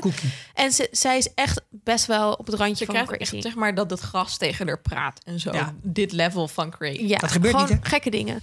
Maar in de serie is er gewoon veel te weinig tijd genomen voor deze karakterontwikkeling. En eh, de Amerikaanse afleveringen hebben voordat de aflevering begint altijd een recap naar de vorige aflevering. Previously ja, on. Previously on, ja. Ja, dat is op Ziggo in ieder geval niet zo. En eh, de, deze Previously On hebben de makers een uitzondering gemaakt. Normaal is het altijd gewoon een soort van compilatietje van de vorige aflevering. En deze Previously On was allemaal quotes, allemaal scènes van mensen die iets tegen Danny hebben gezegd de afgelopen zeven seizoenen. Eh, waaronder Olenna, Wake the Dragon, bla, of de Don't Be a Sheep, Be a Dragon. En het eindigde met Viserion die zei... You don't want to wake the dragon, don't you? Viserys. Of do you? Ah, Viserys, ja. Ehm, en dus ik denk dat eh, de eh, showmakers zelf naar de editing keken en ook dachten: oh, we hebben dit karakter misschien niet helemaal goed laten ontwikkelen. Laten we dit er even voorproppen. Ja. Editen er even voor, dan, dan snappen mensen het misschien beter. Ik heb hier nog een punt over, want iemand zei tegen me dat het beter zou zijn geweest als je meer tijd met Daenerys had, waarbij ze praat met mensen om haar heen, met haar vertrouwelingen, zodat je meer inzicht krijgt in haar acties. En dat is natuurlijk zo, dat is heel vaak hoe je meer inzicht krijgt in een personage. Maar volgens mij was juist de bedoeling dat al die mensen wegvallen en dat ze dus geen gesprekken meer heeft met andere Ja, mensen. En dat snap Ja. ik ook wel, maar En dan had je er wat vaker alleen moeten zien en wat vaker moeten zien dat ze al wat gekkere dingen ja, deed. of had bijvoorbeeld die, de dood van Missandei in deze aflevering gedaan. Of de dood van En dat die, ja, of dat Want die dat was trigger nou- gewoon dat was wat, super wat logisch logischer is. Point is. Ja, dat, dat, er dat echt die een... fucking tweede draak nog kwijt gaat geraakt midden in deze aflevering. Ja. en Ja, maar aan de ene kant dan- hoor ik dan dus de opbouw is te lang en dan aan de andere Nee, nee, kant maar, is de, het te maar kort de opbouw zo. is zeg maar dan meer dat, ze, dat, ze pas, dat we eigenlijk pas twee of drie afleveringen denken... oh, hmm, Danny is alleen. Hmm, Danny gaat misschien wel iets raars doen. Dat had je natuurlijk ook al. Kijk, als er tien afleveringen waren gemaakt... en dit waren de achtste of de negende, was de achtste of negende aflevering... had je Ja. veel meer afleveringen haar inderdaad geïsoleerd gezien. En, nu en- was die trigger een beetje, een beetje een gek moment, vond ik. En waar de kracht ook in zit, of in zat bij Game of Thrones, is dat je inderdaad wel die tien afleveringen hebt, maar dat, daar zit een impliciete aanname in, namelijk ook dat je meer scènes krijgt met andere mensen. Dat je tijd ertussen hebt. Dus dat, Ja. dat, dat, dat eh, zo'n Verloop extra- van de tijd is... Ja, dus dat een extra scènetje waarin niet heel erg veel gebeurt, maar wel wat aan karakterbouwwerk gedaan wordt. Dat dat wordt gezien als dit is een van de interacties die zij heeft in de tussentijd. En nu is elk ding wat ik zie in deze zes kort, kort op elkaar geperste afleveringen, is, krijg ik het gevoel, oh, dit is het enige moment wat ze samen hebben. ja. Maar dat, dat, dat is misschien wel helemaal niet zo. Of dat willen ze misschien niet per se laten lijken als dat ze, maar het komt wel zo over. En daarom denk je, oh jemig, die wordt echt binnen drie afleveringen, binnen drie scènes wordt ze gek. En denk je niet, nog even, dacht ik net, als ze naar de Red Keep kijkt, dat ze dan denkt, oh Cersei zit daar, oh Cersei heeft Missandei vermoord, Missandei's laatste woorden waren Dracarys. Dat zou kunnen, ja. Zoiets. Overigens Ja. vind ik sowieso dat Emilia Clarke dat heel mooi speelde. Heel, Ja. heel erg eh, gewoon een soort van hopeloos. En Ja, die wel. leegte vond ik dus echt dat je in dat heel goed kon shot, zien. hè? En, Ja, voor en niet een alleen-. Dat wou ik zeggen. Voor een greenscreen op een soort van dummy draak. Super lelijk ziet dat eruit, want het is helemaal CGI. Het is een soort rodeo-stier waar ze eigenlijk op echt, zit. dat- zo ziet het eruit. En dus de sfeer, zeg maar, ze moest het echt helemaal zelf doen. Er is Ja. gewoon niks heel goed zo gedaan. knap. Ja. Nou, en vanaf knap. dat moment gaan we in de complete juxtapositie. We gaan eh, een situatie krijgen waarin de Lannister-soldaten die zich net hebben overgegeven worden aangevallen door Stark. Starks die gelijk vrouwen beginnen te verkrachten, muren beginnen te verkrachten, bloembakken kapot beginnen Heftig, te smijten. Tuinkabouters gaan er over straat. Die mensen aan het verkrachten waren, zo van dat Sansa had gezegd, deze mensen zijn moe van oorlog, je moet ze rust gunnen. Dat is een soort van nu cray-cray gaan, omdat ze gewoon een soort van allemaal... right. Ja, en die Post-traumatic, Lannister-soldaten zijn bla, mensen bla. aan het redden ook, hè? Zie je dat? Ja. Ja, zijn ja. mensen weg aan het, naar binnen aan het trekken en dat soort dingen. Dat Ja, en John kijkt ernaar en die denkt, wat de fuck Die is maakt een happening? Stark Ja, soldaat, die- maakt ja, hij ja. dood. En dat, daarvan zeiden de makers ook van... dit is eigenlijk een moment dat inderdaad John dus een soort van laat zien... dit- ik kan, eh, dit, dit is totaal uit de hand gelopen. Ik moet mijn eigen mannen gaan terugroepen.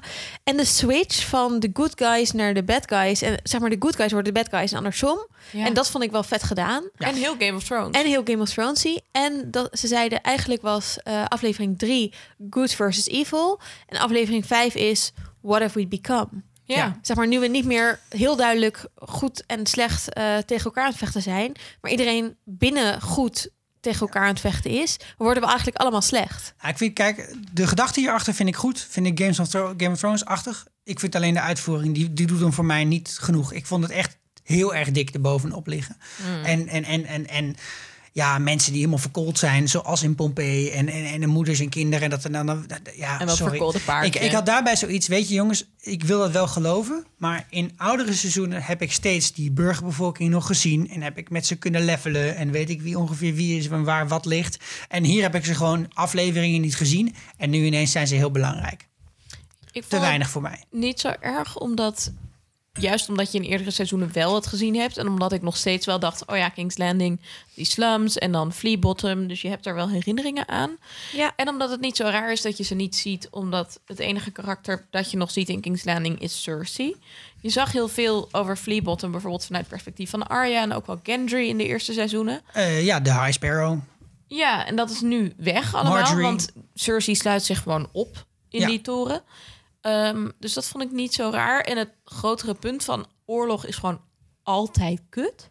Vond ik heel goed in beeld Ja, gebracht. dus een beetje vooruitlopen misschien, maar die scènes met Arya, dat zij uiteindelijk door een soort van met die stof op haar en alles rent. Ja, Daar is, eh, eh, dat is gebaseerd op foto's van eh, na het bombardement bij Dresden.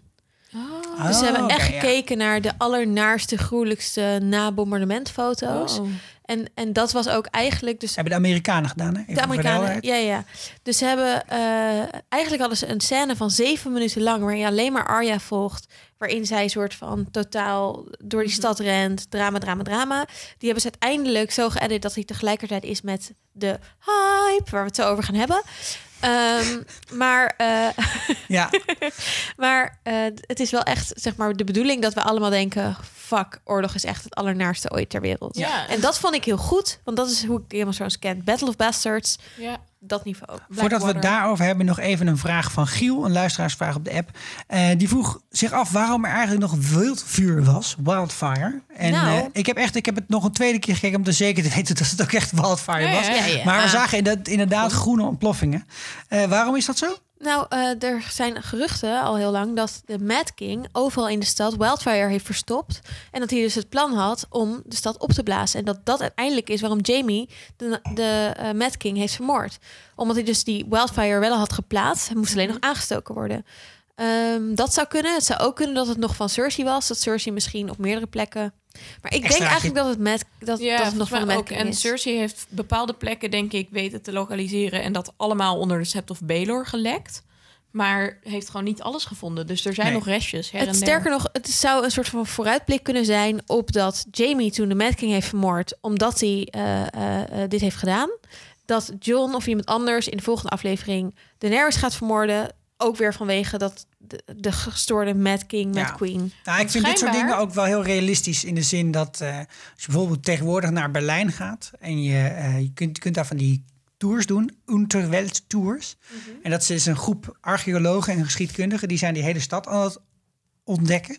Nou, nou, om te kijken naar alle dingen die er nog zijn uit de tijd van de Tweede Wereldoorlog en de, en de Koude Oorlog. Ja. En die vinden dus gewoon nog steeds in metrostations, geheime bunkers, waarvan iedereen het bestaan vergeten was, omdat ja, de statie is opgeheven. Of, eh, Ja, dus dat kan. En daarom vind ik, dit, vind ik dit een leuk detail. Daar kon ik echt wel van genieten. Het zou ook nog een vooruitblik kunnen zijn naar de volgende aflevering. Namelijk, eh, er schijnt ook heel veel wildfire te liggen onder de Red Keep. Eh. Dus hoe grappig zou het zijn? En ook wel hoe kut hoor. Maar hoe grappig als gewoon het einde is in de allerlaatste minuut dat de Red Keep zo ontploft en iedereen dood is. Dat is gewoon totaal Ajax Dat versus is mijn Tottenham. heb ik gesteld, Doe door nou door het einde. nou. We gaan door naar Lovers from Another Mother. Namelijk Euron en Jamie die elkaar toevalligerwijs tegenkomen op hetzelfde Nou, geheime joh, strand. Ben jij ook op het strand? is dit soort van Expeditie Robinson of Temptation Island, Westeros Survival? Dit zou echt totally mijn Temptation Island zijn.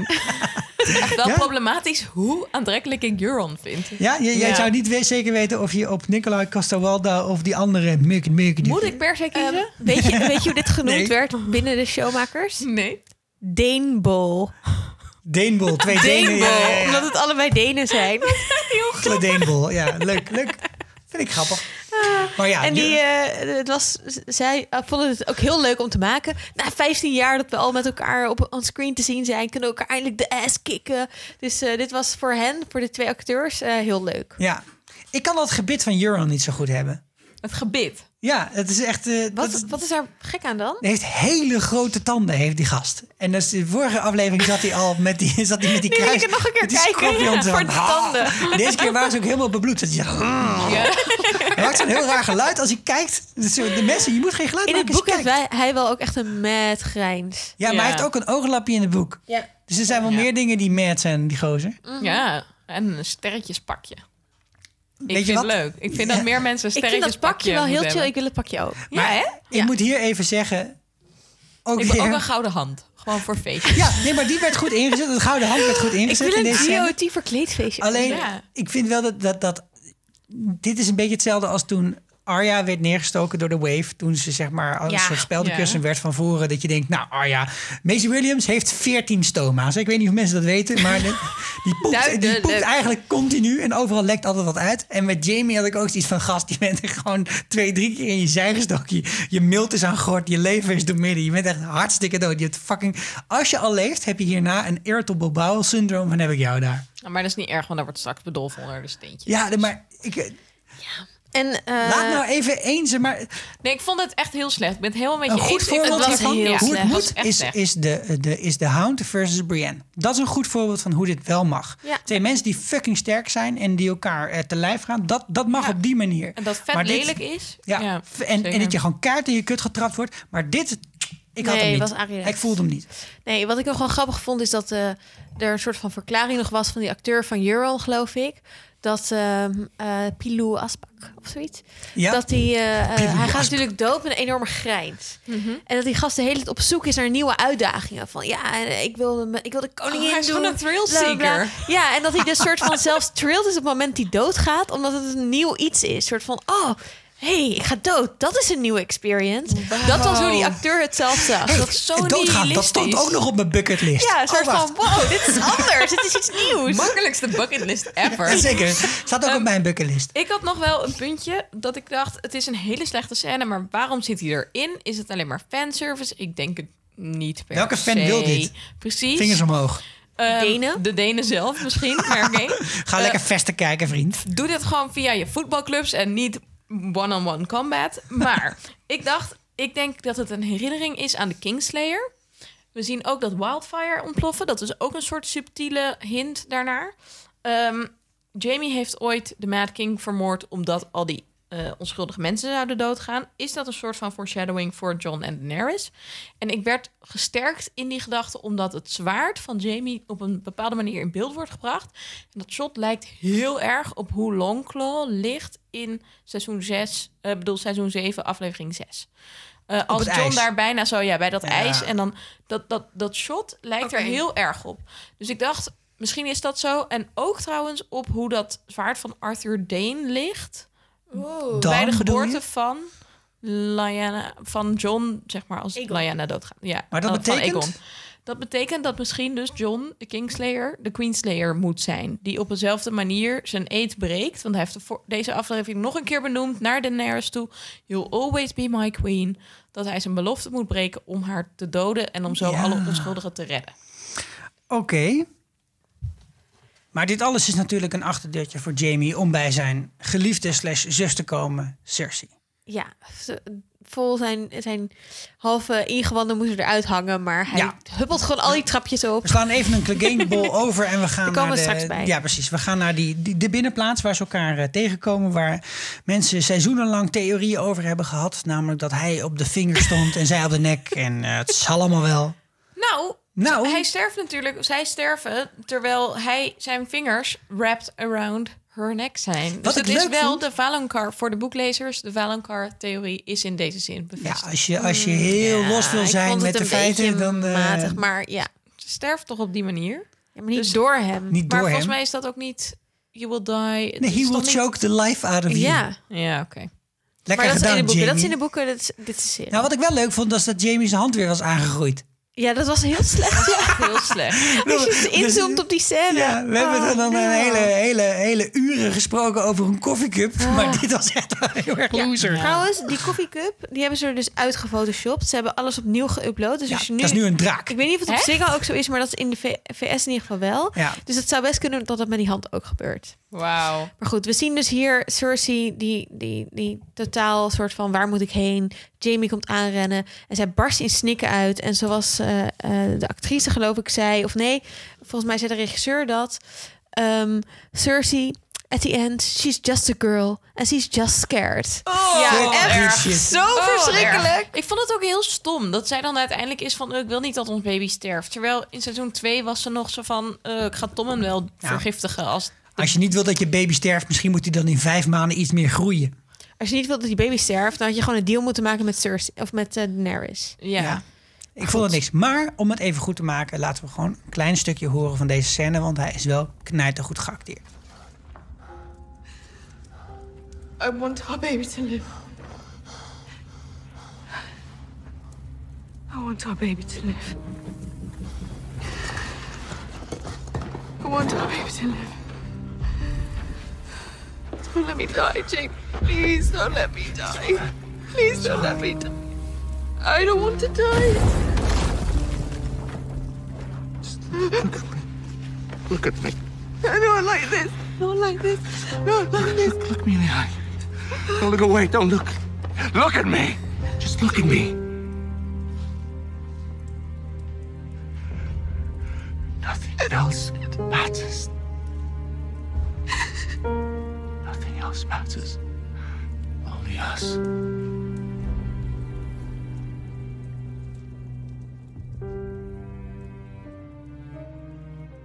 Ik vond het best wel een anticlimactisch einde. We hadden natuurlijk heel lang gespeculeerd over dat het nog een soort van politieke betekenis zou krijgen. Dat Jamie dan Cersei zou doden of niet. Ehm, en dat ze dan uiteindelijk sterven omdat het plafond instort, vond ik toch wel een beetje sneu. Ja, ik vraag me ook af of we volgende week nog een soort van confirmation gaan zien dat ze dood zijn.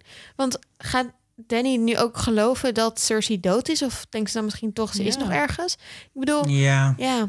Maar goed, aan de andere kant vind ik het ook wel mooi. Want dit is wel hoe shit gebeurt. Zeg maar, er valt Ja. gewoon een fucking steen op je hoofd als deze, als die hele Red Keep om je heen instort. Ja. Ik dacht eigenlijk dat ze vergif zouden nemen. Gewoon als een soort van throwback naar seizoen 2. Ja, samen. Dat, dat had ik echt Ja. voor me gezien. Dat ze besloten er samen uit te stappen. Ja, en daarom vond ik die paniek van Romeo Cersei ook niet heel eh, realistisch. Omdat ze inderdaad in eerdere dreigingssituaties steeds super cool was. Ja. Een soort van, nou ja, weet je, de wereld stort in om me heen. Iedereen eh, is tegen me, maar fuck them. Ik ga gewoon mijn eigen weg, weg in. Ook wel dat ze niet... Ik vond het ook gek dat ze zo delusional was over hoe goed King's Landing ervoor stond. Maar goed, ze is zwanger en dan zijn je hormonen wel crazy. Ja, ik vond het wel leuk dat, dat Kyburn steeds zei van... We moeten hier echt weg. Makers hold vast. Is een veel betere plek.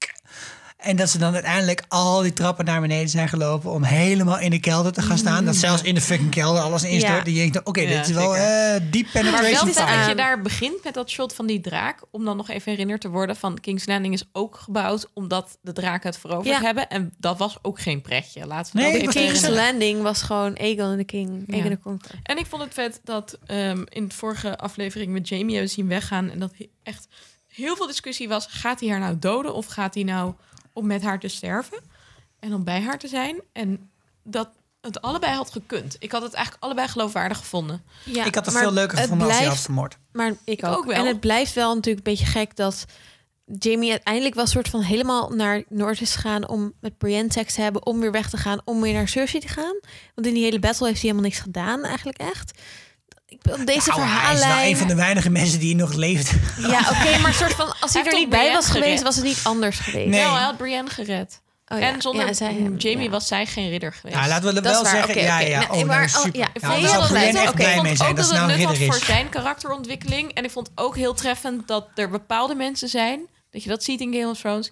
die soort van beyond redemption zijn. Die gaan Dat het is waar. Niet. Ja. Ja, en het is ook zijn wat Tyrion zei, hè? Van ja, weet je, Jamie, je was er gewoon bij. Je was stond er gewoon. Je kan nu wel doen alsof hij allemaal niet heel, heel leuk vond wat Cersei deed, maar dat vond je gewoon wel. En dat heeft hem denk ik toch best wel diep geraakt. Wie ze was en je Ja. hield van haar. Ja. En dan houdt hij ook van zichzelf op een bepaalde manier. Voor mij is het weinig voldoende. Maar Allah, dit is wat we hebben gekregen. Een instortende kelderpartij. En daarmee, met een, instortende, met een instortend plafond... gaan we naar de twee broers op de trap. Mag ik nog even een grapje over dat he chokes? Want die gouden hand Ja. om die keel, als daar een rotsblok op zit, dan drukt dat natuurlijk vervolgens alle lucht uit die keel. Nee, dat zou inderdaad het probleem zijn. Eh, we gaan naar Clegane Ball. Get hyped, Ja, iedereen wilde het. En dan krijgen we het gewoon. Dan krijgen we het nee, ook gewoon. zoals de regisseur zei, of zoals Wendy van wij zeiden.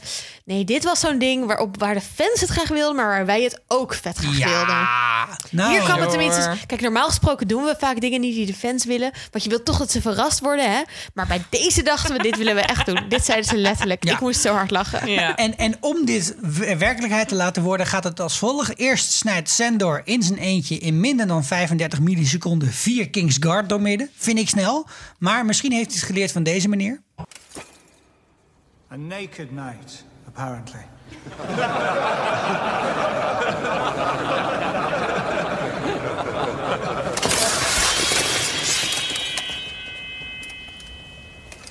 Even now, I could cut through the five of you like carving a cake.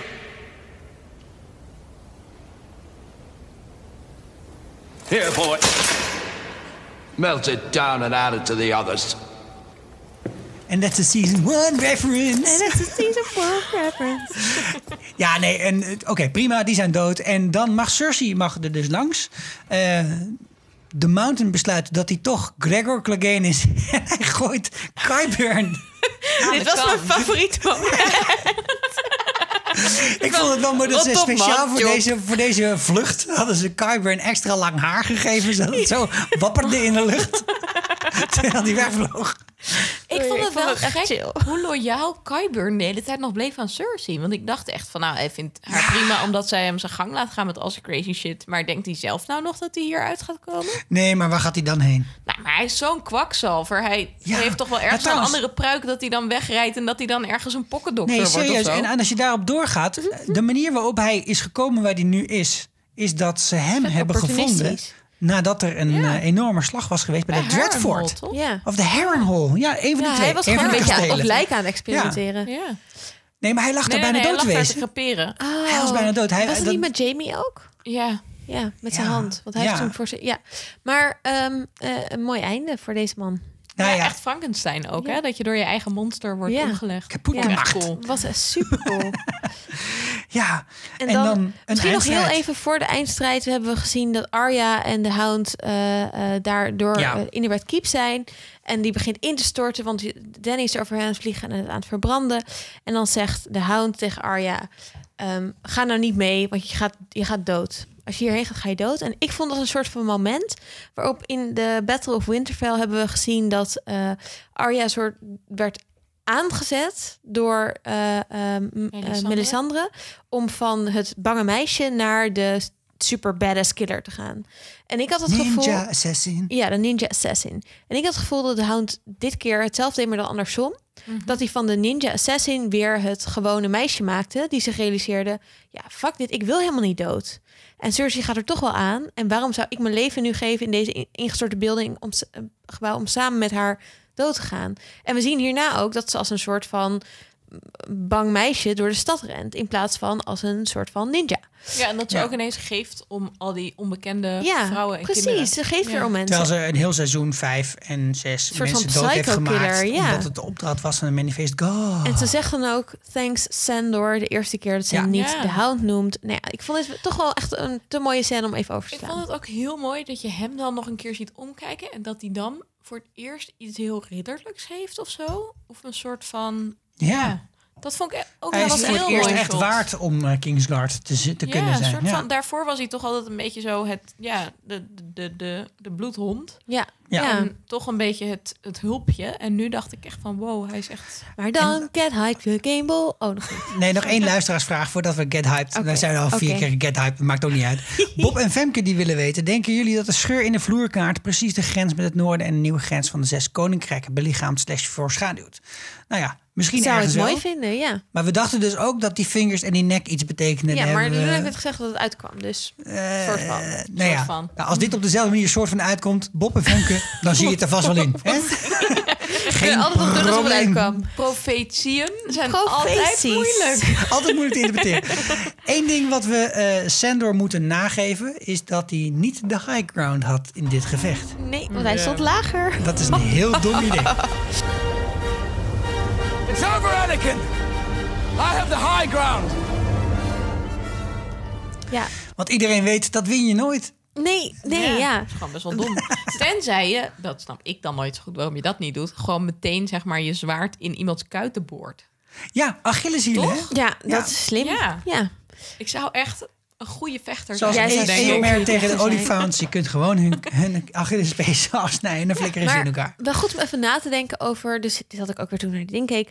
Hoe dit gefilmd is. Want dit is dus een trap die ze echt hebben gebouwd. Het is best wel moeilijk om te filmen op een trap. Want je hebt heel weinig ruimte. En, ehm En dat de mountain gevecht, is ongeveer 8 Ze meter zijn hoog. allebei best wel groot. wel. En dat gevecht wordt dus helemaal gechoreografeerd. Maar dus ook de eh, camera's. Dus de mensen die het filmen, die heel close-up filmen. Dit is een soort dans waarvan niet alleen de acteurs, maar ook de cameramannen onderdeel zijn. Om zo de Oh. juiste beelden te maken. Dat is echt super vet. En wat hier best wel ehm, heftig aan was, is dat het acht uur duurde voor eh, de Hound om helemaal in de eh schmink en weet ik wat te zitten. Dus je moest om 12 uur s'nachts op als we om 8 uur 's ochtends gingen filmen. En dat die gast die de. Mountain speelt, eh, hoe heet je ook weer? Die Ehm, IJslandse dude. ja, dit is dus de sterkste man ter wereld. Hij heeft dit jaar nog gewonnen. Waardoor ze ook veel korter konden filmen, omdat hij dus naar een of andere wedstrijd moest. Maar deze man is dus. Zo Kijk, cool. normaal gesproken doe je dit soort dingen met stuntmannen. Die weten hoe je moet vechten op een manier dat het niet pijn doet. Maar deze man, die weet dat niet. Dus voor de hout was dit echt. Die Rory of zo. Die McCann die is was gewoon dit een gemet. Een hel. Die werd gewoon de hele tijd echt tegen muren aangebeukt en zo. Ja. En je Ja, hebt je- een halve baard al een half jaar ja, lang. Ja, deze man is echt, het is zo intens. Het was toch zo erg dat die Sputnik of zoiets, weet ik, Sputnik. Sputnik, de regisseur, dat die eh, op een gegeven moment zei: Hier is een zandzak. We gaan even filmen dat jij daar super hard tegenaan ramt. Dus die gast daar een soort van alsof we dit als special effect gaan doen. Maar het was een soort van ja, zodat alle anger eruit was. Ja, dat hij wat slapper is. En dan gingen we Holy daarna de echte scènes Ja. filmen. Echt super heftig. Ja, Ik vind het wel echt veel leuker nu ik dit allemaal weet. ja. Ik moet zeggen dat het mij ook wel helpt, Esther. Want verder, als ik hiernaar zat te kijken...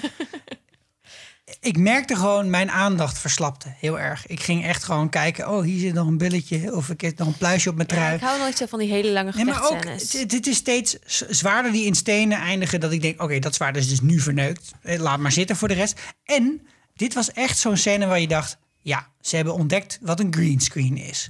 Want ze gingen echt to town, hè? Want volgens mij hebben Ja, ze vier die traptreden. er ook zo overheen ja, vliegen. lul toch op, joh. Doe, ga je F-16's of Maar zo. oké, mag ik iets zeggen over deze scène? Ik was de hele tijd vet cynisch over Clegane Ik, voor mij staat Clegane voor de ultieme fanservice. Ik zit hier wel in het Ja. get hyped. Maar dat is soort van, we denken al vijf seizoenen lang... oh, dan krijgen we straks Clegane want alle fans willen het. En het gebeurt. Maar ik vond het toch vet. En waarom? De eh, Hound is al altijd soort van... ik wil wraak nemen op mijn, op mijn broer. Gaat het nu eindelijk doen. En wat gebeurt er? Hoe vaak hij hem ook steekt... zelfs in zijn fucking oog... hij gaat niet dood. En hij moet er zelf ook om lachen. Een soort van... Deze gast is al dood. Ja. Hij is letterlijk al dood. Hij is een zombie. Ik kan hem niet doden. En dat, je, dat hij soort van het idee ook krijgt van... weet je, wat, waarom is dit mijn drijfveer... om, om nog Ja. wraak te nemen op iemand die eigenlijk al dood is... en een zombie is en een verschrikkelijk leven heeft? Waarom is dit überhaupt... waarom leef ik eigenlijk zelf nog... en dan een soort van met hem zelfmoord pleegt? Ik vond het best wel een mooie... eh, eh, het, het vat, de leegte van die Danny ook... met het doodmaken van al die mensen... soort van heeft van... ja, ik ben hier alleen. Wat, doe, wat is eigenlijk mijn doel in het leven? Daar sluit het op aan. Ik vond het, ja, ik vond het eigenlijk toch wel mooi. Ik vind het echt heel, ja, het past heel goed bij George R. R. Martin, omdat het zo gaat over wie blijft hangen in patronen. Ja. In plaats van ze door doorbreken, wordt dus ongelukkig. Zoals Cersei, zoals de Hound, die eindigen allemaal op een hele tragische manier. Eh, namelijk als eh San dood en eh Grey gone. Wauw. Sorry. Ja, die stonden ook op je briefje. Hè? Ja, ik zie hem Ik heb staan. ze net opgeschreven. ik had ze wel gisteren al naar Sander geappt. Ah, ja. omdat ik wilde dat ik ze kon claimen. Weet je, ik, ben, ik, denk, ik denk bij dit, voor dit soort dingen vooral ook eh, fair enough dat mensen het heel graag willen en laten we het dan doen. Maar laten we het dan goed doen. Eh, Ik, ik, heb, ik heb zeg maar 17 script uit, eh, inmiddels uitgeschreven over hoe het dan beter had kunnen. Maar één ding wat ik echt heel jammer vond, is dat, dat, dat de Mountain dan die oogkassen in loopt te drukken. Toen dacht ik, nee, dit, is, dit was vet toen hij tegen de Viper aan het vechten was. Omdat hij kon naar. zeggen, zo heb ik je zus vermoord. Wat hier vet was geweest, is als hij iets had gedaan met vuur. Want daar is Sandor heel erg bang voor. En daar heeft hij hem ooit ingeduwd. Je ziet dat de filmmakers ook niet wisten wat ze precies aan moesten met dit gevecht. Ze wisten niet wie die moest winnen. Dus nou ja, douwen ze ze allebei maar het raam uit. Nee, 15 dat verdiepingen past. naar is net beneden. als met Jamie en Cersei. Ja, ze zijn zo aan elkaar verbonden. Want ze hebben zich zo vastgebeten in die wraakgevoelens. In elk geval Ja. Sandor. En dat zie je. Dat is het contrast tussen Sandor en Arya. Wordt daarvoor nog benadrukt. Van, je wil niet eindigen zoals ik. Voor mij is het te laat. Maar jij hebt de omstandigheden nog mee. Je kan nog kiezen voor een ander pad. Je kan nog Dat proberen andere vet. mensen te redden, wat dan totaal mislukt. Terwijl je door de stad rent en zegt: Kom, kom, kom, ga naar buiten. En dan dat ze alsnog is wel dood raar, toch? Weet je wat, laten, naar laten, we, buiten? laten we daar maar gewoon naartoe Ja. gaan. Dan hebben we dat ook maar gewoon gehad. Want we gaan naar het einde van deze aflevering. Wat dan gekut is tegelijkertijd met de Game Ball. Maar in dit geval even apart, eh, apart behandeld. Het is niet gezellig in King's Landing. Nee, dat is volgens mij de boodschap die we moeten krijgen. Nee, Iedereen nou, gaat dood. Wat ik dus Oh, al oh, zei. oh, in zak en as. Dit, sorry, en nu hou ik op. Dit was de laatste. Dit is dus echt gebaseerd op eh, nou ja, hoe gruw, de gruwelijkheden van oorlog. En Ja. het was dus eigenlijk inderdaad de bedoeling, wat ik net zei, om gewoon echt zeven minuten lang de naarde, naarheid van oorlog te laten zien. Dat hebben ze nu samen gedaan met de Game Ball, want dat werkte wel mooi. Maar het is nog steeds vond ik het heftig naar eh, eh, Ja. ho- honderden mensen die verbrand, verkracht, ver, overal bloed, lichaams. Ja, verwerkt wordt. En dat, dat, dat is dat met Ja. gebeurd. Ja. Nou, kijk, eh, en wat er gebeurt is heel helder. Het is heel zielig allemaal voor de burgerbevolking. En Arya die gaat ineens mensen helpen, want nu ineens geeft ze om mensen. Nou, ook prima dat dat gebeurt. Uiteindelijk liggen die moeder en kind als een soort twee Pompeo eh, hè, verbrande lijken op de grond. Met zo'n dan- paardje, hè? Ja. Shireen. Maar er is dan, Season 5 reference. is er, is er wel weer één ding wat, me- wat me dan zo ongelooflijk kan, erger, kan storen. En dat is dat klokkentorens in, tele- in dit soort series, in dit soort films... allemaal precies een Arya-shaped hole hebben.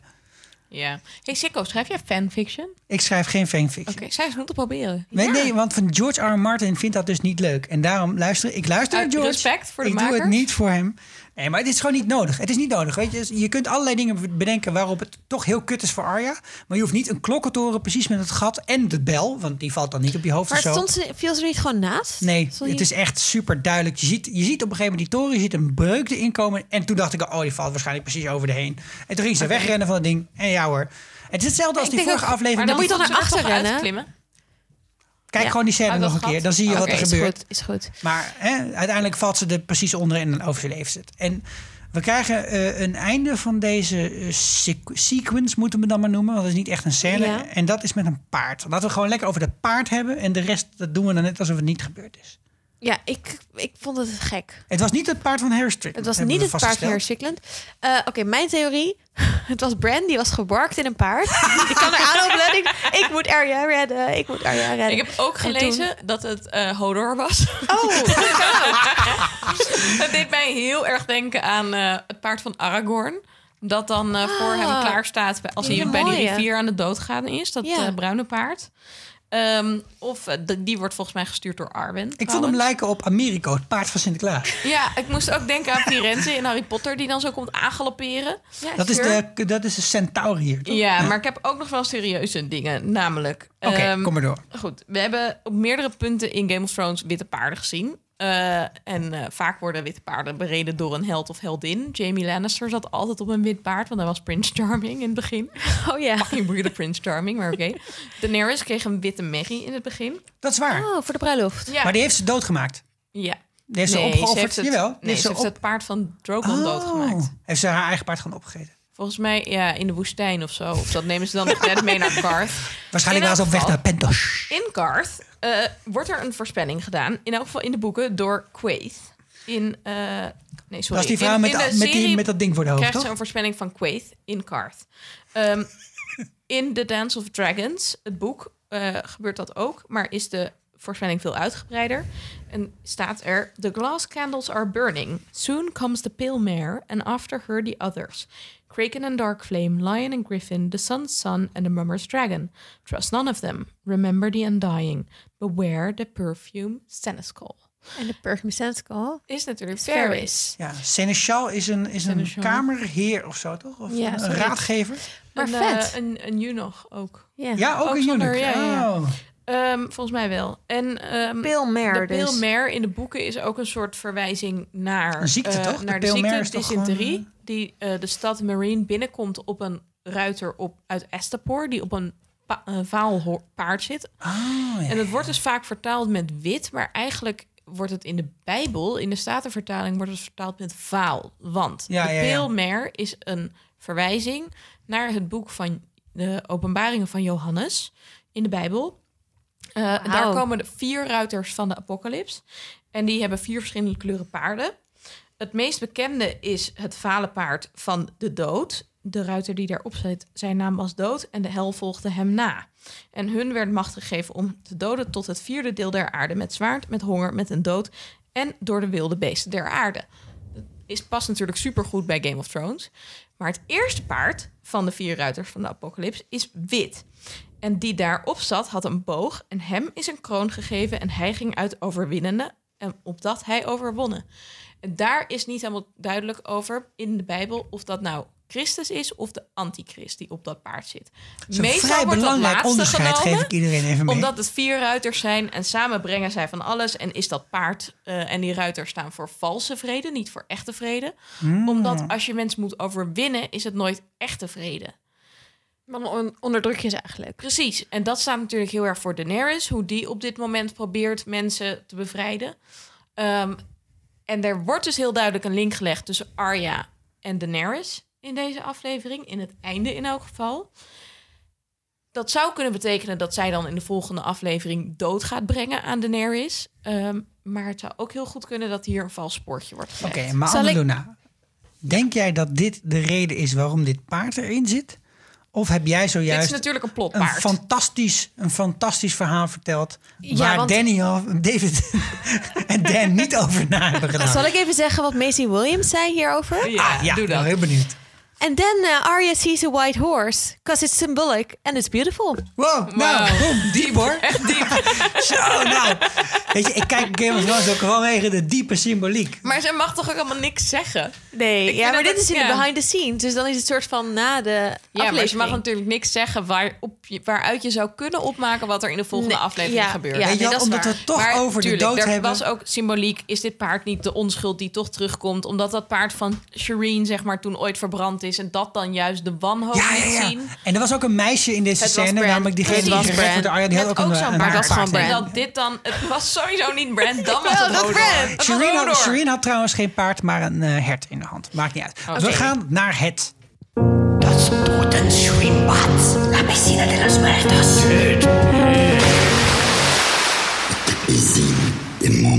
Dode zwembad. We nemen afscheid van Varys, Jamie, Euron, God hebben ze ziel. Harry Strickland, Cersei. Sander, de Rijdende Berg en Qyburn. Nou, kijk, Sandor en de Rijdende Berg did not die on screen, hè? Oeh, ze vielen in vuur. Ja. Ja. Nou, Sandor eh, is wel vaker Oké, kilometers maar- naar beneden. maar dan is. Euron ook- Night King dan- dinges. Nee, en Jamie en Cersei ook niet. Volgens Nee. mij hebben we ze voor Dode Zwembad meegerekend. Ja, we hebben Ja, ze mee. zeker. Ja. Dan eh, de nieuwe top 3. En de vrucht van Cersei trouwens. Die Oh. staat ook in de doos. Oh, goeie. Ja. Ja, nee, goeie. Oké, Als hij er ooit geweest is. dan de top 3. op 3 staan drie mensen, namelijk Mark de Boer, Marvin Sluiter en Anna Luna. Doorstookkaart. Super vette aflevering. Vond alles leuk. Op een gedeelde tweede plek staan Marle en Jurien Bos. Lekker, 32 punten. En op plek 1 met 33 punten, dus het is allemaal heel close, staat Koert de Keizer. Lekker nou Koert, gedaan, Koert. goed bezig. De grootste stijger van de week is Marle. Met plus 9 punten ten opzichte van vorige Ja, die week. had het goed ingeschat. Dat eh. komt dan lekker. dus omdat je alle karakters goed hebt en een bonuspunt. Omdat je eh één bonus bij de bonusvraag hebt eh, gezet. Dat twee mensen, voor drie mensen kunnen je Oh, punten ja. dubbel tellen. Ja, precies. Dan- Want dan heb je mazzel, Snelle ja. rekenaars weten dat er misschien niet zoveel mensen dood zijn. Kijk, kijk, kijk. Zullen we dan nog even de volgende aflevering hebben? Uiteraard gaan we het erover hebben. Dit is de Oh. laatste keer dat we het erover kunnen Oh, hebben. dit is zo erg. Dit is nog de laatste keer de voorspellingen Ja. kunnen maken, jongens. Ja, Oh, nou, doe ze dan. Ik wil Doe al die crazy voorspellingen.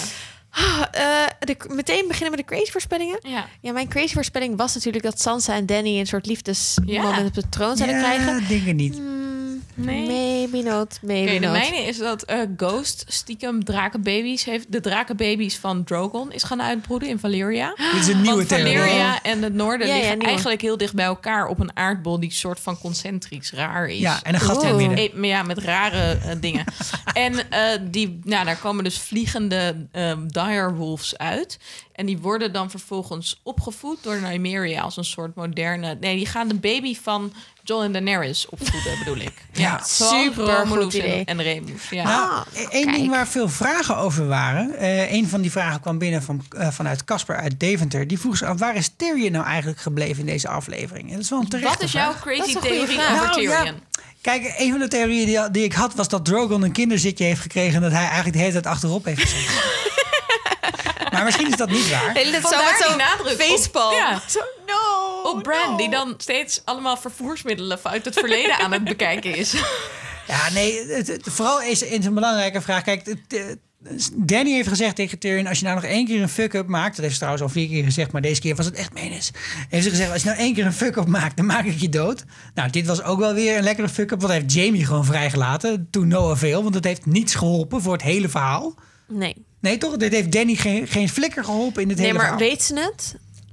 Nou, kijk, dat vond ik ook een beetje een zwaktebod aan die scène. Kijk, Ja. Jamie zit in een tent en dan staat Unsullied voort. En dan komt zijn broer. Hallo, ik ben Tyrion Lannister. Ik wil graag dat je me eh, bij mijn broer Ja, laat. precies. En daarna is zijn broer ineens weg. En zit die, Maar die- jij wil zeggen misschien dat volgende keer Ja, tuurlijk, eh, nog een soort van Nou ja, Tyrion wordt als, hij ge... consistent, als hij consistent is, maakt ze Tyrion gewoon dood. Oké, Ja, mag ik een theorie erin in gooien? de buurt is. Want alle Noorderlingen zijn nu toch niet meer in de stad. Ja, ik denk zijn het allemaal wel. verbrand, ja, Maar John en Davos zijn toch met de legers de stad uitge... Ja, retreat. Ze hebben retreat het, ja. Dat hebben ze wel Ja, geroepen. Maar Tyrion zat daar niet bij, Weten we niet. denken we. Tyrion is volgens mij niet in nee, de stad geweest. Ze hebben wil- hem voor de poorten gezien tussen allemaal dode mensen. Ja, dus ik weet ook niet of hij de stad in is gegaan. En toen heeft oké. hij gekeken. En toen zag hij de bellentoren en die deed toen niks. En toen ging hij op een gegeven moment rinkelen. Misschien is Hij à Gendry naar Doorn gerend. Ik denk dat dat Of hij het is is. Ja. beentjes zo. Of in een boot gesprongen om te roeien. Oké, theorie. Ehm, we zien in de volgende aflevering een Lannister die zich geroepen voelt om de Mad Queen te doden. Waarna we een Baratheon samen door geholpen door een Stark op de troon worden zien gebracht. Waarna we eindigen waar we begonnen waren. Namelijk met een Baratheon en een Stark op de troon. Een eh Kingslayer Lannister of een Queenslayer Lannister. En het is Oh. eigenlijk gewoon een cirkel. We deden een plas en alles bleef zoals Weet het zoals was. bij Mean Girls. Dat je Beetje in het zoals laatste Mean Girls. shot dan nog drie van die kleine meisjes zo voor de bus Ja, ziet gaan. dat. Het gaat gewoon door. Ik wil even de meest voor de hand liggende voorspelling doen. En jullie zijn het maar er niet mee even. eens, dat weet ik. Maar in dit shot waarin Arya weggaat op het witte paard... denk ik dat het enige wat zij op dat moment wil... dat is hoe deze hele scène is opgebouwd... is Danny doodmaken. Want zij heeft al Ik ben het deze hier wel mee eens hoor. kapot gemaakt. Ik, Ik denk weet dat het dit niet. gaat ge- Ik dacht ja. meer dat ze dacht, ik keer het terug toe en ik ga weg. Maar, en ik dacht dus dat er heel veel opbouw is. Ja, dat ze gewoon lekker Fuck ik ik doe een Nymeria, ik ga lekker in de bossen in. Ik ga naar Pentos. Zoiets. Maar ik dacht meer dat er ook opbouw was voor John die Daenerys moet doodmaken. En dan uiteindelijk dus eh, ook Queenslayer is. En dan eh, er zelf voor kiest om niet zijn troon op te eisen, maar naar het noorden Eén van die twee gaat er waarschijnlijk worden. Ja of, Ja. Of, of bijna het een en dan het ander. Maar het gaat Ja. natuurlijk fucking moeilijk worden, want Daenerys heeft nog een draak. Maar John kan op een draak rijden. Ja, maar niet op Drogon, denk ik. Als, eh als Drogon het niet verwacht, kunnen ze hem redelijk makkelijk doden met zo'n scorpion. Ja, hebben ze Ja, maar kijk, Drogon is... Waar is Gendry? Kan Nee, hij maar- nu snel komen Laat ik aanrennen? even wel wezen dat Drogon gewoon ongelooflijk... Maar hij moet eh, nog gesmid worden, want ze zijn allemaal weg. Oh hey, ja. jongens, Drogon is medeplichtig aan deze hele daad. Ja. Dus als al die andere lords... Want dat, dat is een van de voorspellingen van Sander. Die zegt er komt een soort conclaaf met alles wat er nog Maar over hij, is. hij was maar... Hij, is het wapenschuldig? Of is degene die het wapen nou kijk, we hebben altijd gezegd dat draken heel slim zijn. En, hè, dus ik denk ook wel dat er een, dit, er komt natuurlijk een aflevering die waarschijnlijk heel erg lijkt op de laatste aflevering van het voorseizoen. Ik denk dat de enige plek waar je nog een beetje een Dragon vergaderzaaltje kunt huren is de Dragon Pit, want de rest Ja. is allemaal in de fik gezet. En Hopelijk dan komen komt, dan eh, al die mensen die ja, dan hier komt niet Robin waren. Arryn, dan komt Edmund En Tully. Howland Reed! Howland like he gives a shit. Sansa komt dan nu wel. Wat Sansa heeft altijd gezegd, ik ga niet naar King's Landing zolang Cersei daar nog is. Dus Ja. dat embargo is ook Oh, opgegeven. Ik, please, als we, als we Sansa en Brienne niet meer zien, word ik echt vet boos. nou, ik wil En Tormund zeker graag nog Brienne, zien. als Brienne's laatste scène was dat ik haar heb zien janken In een nachtjapon. over, in een nachtjapon Ja. over een man die er verlaat, dan word ik echt vet pissig. Ja, Ik ook. Nou, ik was al boos. Maar eh, ja, dat gaat er natuurlijk gebeuren. En eh Bron komt erachter dat hij echt wel iets op papier moet laten zetten. voordat hij een afspraak maakt met mensen. Judith, Arme jongen mijn die steeds zus voor had nog, eh, stagevergoeding werkt. die had nog een goede theorie. Die zei, wat als eh, John eindigt zoals net? Dus namelijk dat hij soort van... misschien dat Danny wel vindt dat hij haar heeft verraden. Omdat hij gezegd heeft retreat, retreat, retreat. Eh, omdat Grey Worm ook heeft gezien dat hij eh, uiteindelijk niet ging hel- helpen met alle Lannisters helemaal doodmaken. Ehm, en dat hij, of dat hij een coup wil plegen tegen Danny, maar dat wel op een eervolle manier wil doen. En dat dan Loser. vertelt. Misschien gaat hij wel naar Danny toe en zegt hij: Sorry, maar wat je nu hebt gedaan is echt crazy. Dus je begrijpt ook wel dat ik nu toch koning word. En dat Danny hem dan laat executeren. Dracarys. Of misschien wel met een zwaard. En dat het soort van weer cirkeltje rond.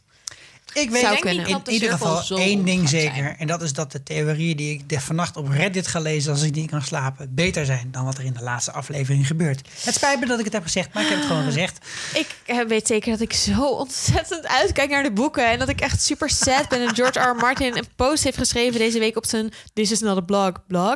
Dat je niks op het internet moet vertrouwen wat ze zeggen. Dat alle boeken eh, eh, al geschreven zijn. En dat die meteen uit de serie uitkomen. Behalve wat hij zegt. Maar dat het dus niet zo is. Ja, I know. Het is echt sad. Dat is zo jammer. Tot die tijd kunnen jullie met ons sparren. Je kunt ons je gedachten, je vragen, je opmerkingen Ja. toesturen. En dat doe je natuurlijk via onze socials. Dat zijn het NLGT podcast op Twitter. Je kunt ons via Facebook bereiken, slash fris en vurig liedje. Je kunt ons e-mailen, ja, fris en vurig liedje at gmail.com of info at fris en vurig liedje, wat ook Zo schijnbaar profi. werkt. Onze website krijgt steeds meer aandacht, www.frissenvuurliedje.nl. En dan is er nog... Wat is er nog meer? Wat is er nog meer? Vertel me wat er nog meer is. Ehm, de appgroep. Goed zo, ja. Ja, sorry. Als je daar graag in wil, dan moet je ons even een mailtje sturen en dan zetten we jou in. Het is de zo gezellig. Je hebt elke dag echt heel 200 gezellig. berichten en ze gaan allemaal over Game of Thrones. Dat Ja. is echt een hele conservatieve schatting. 500 berichten. Heel soms gaan ze over woordgrappen en heel soms gaan ze over Ajax, maar voornamelijk over Game of Thrones. Over woordgrappen. Vandaag waren er babyfoto's van olifanten in Artis. Dat was heel leuk. Gingen zwemmen. Was leuk. Ja, had Cersei nou die olifant maar gehad, hè? Ja, Ja. Poeh, die verbruik je Ja. niet zomaar. Nee, die kunnen ook heel makkelijk een stad blussen. Nou, kijk, wow, dat is vet handig geweest. Als Cersei echt goed had nagedacht, had ze overal blush shit gezet. Want dat heeft ze ook niet gedaan, maar goed. Er viel niet echt tegenaan te Brandweer blussen. mensen, brandweer. Dat Goeie was het voor deze week. Wij kijken toch stiekem gewoon lekker nog steeds uit naar die laatste aflevering van het achtste seizoen. En dan gaan we jullie met z'n allen lekker doorheen loodsen volgende week. Stay tuned en tot volgende week. Mijn naam is Sikko. Ik ben Esther. En Amelina. Ciao, ciao. Doei.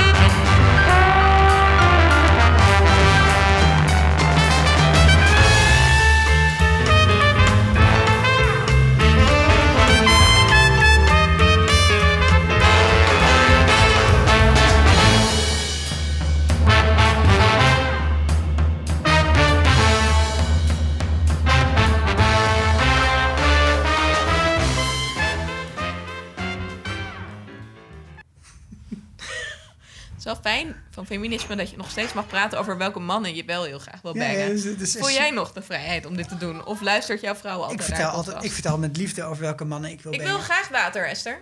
Ja. Je mag best nog even los als je wil. Ja, mag hoor. Bij Jamie en Euron. Nee, ik, ga- nee Ga- d- ga dat, valt, dat zal meevallen. Ik ga bij Clegane eh, Dat, is, dat, is, dat vond ik echt niks. Doe je Oh.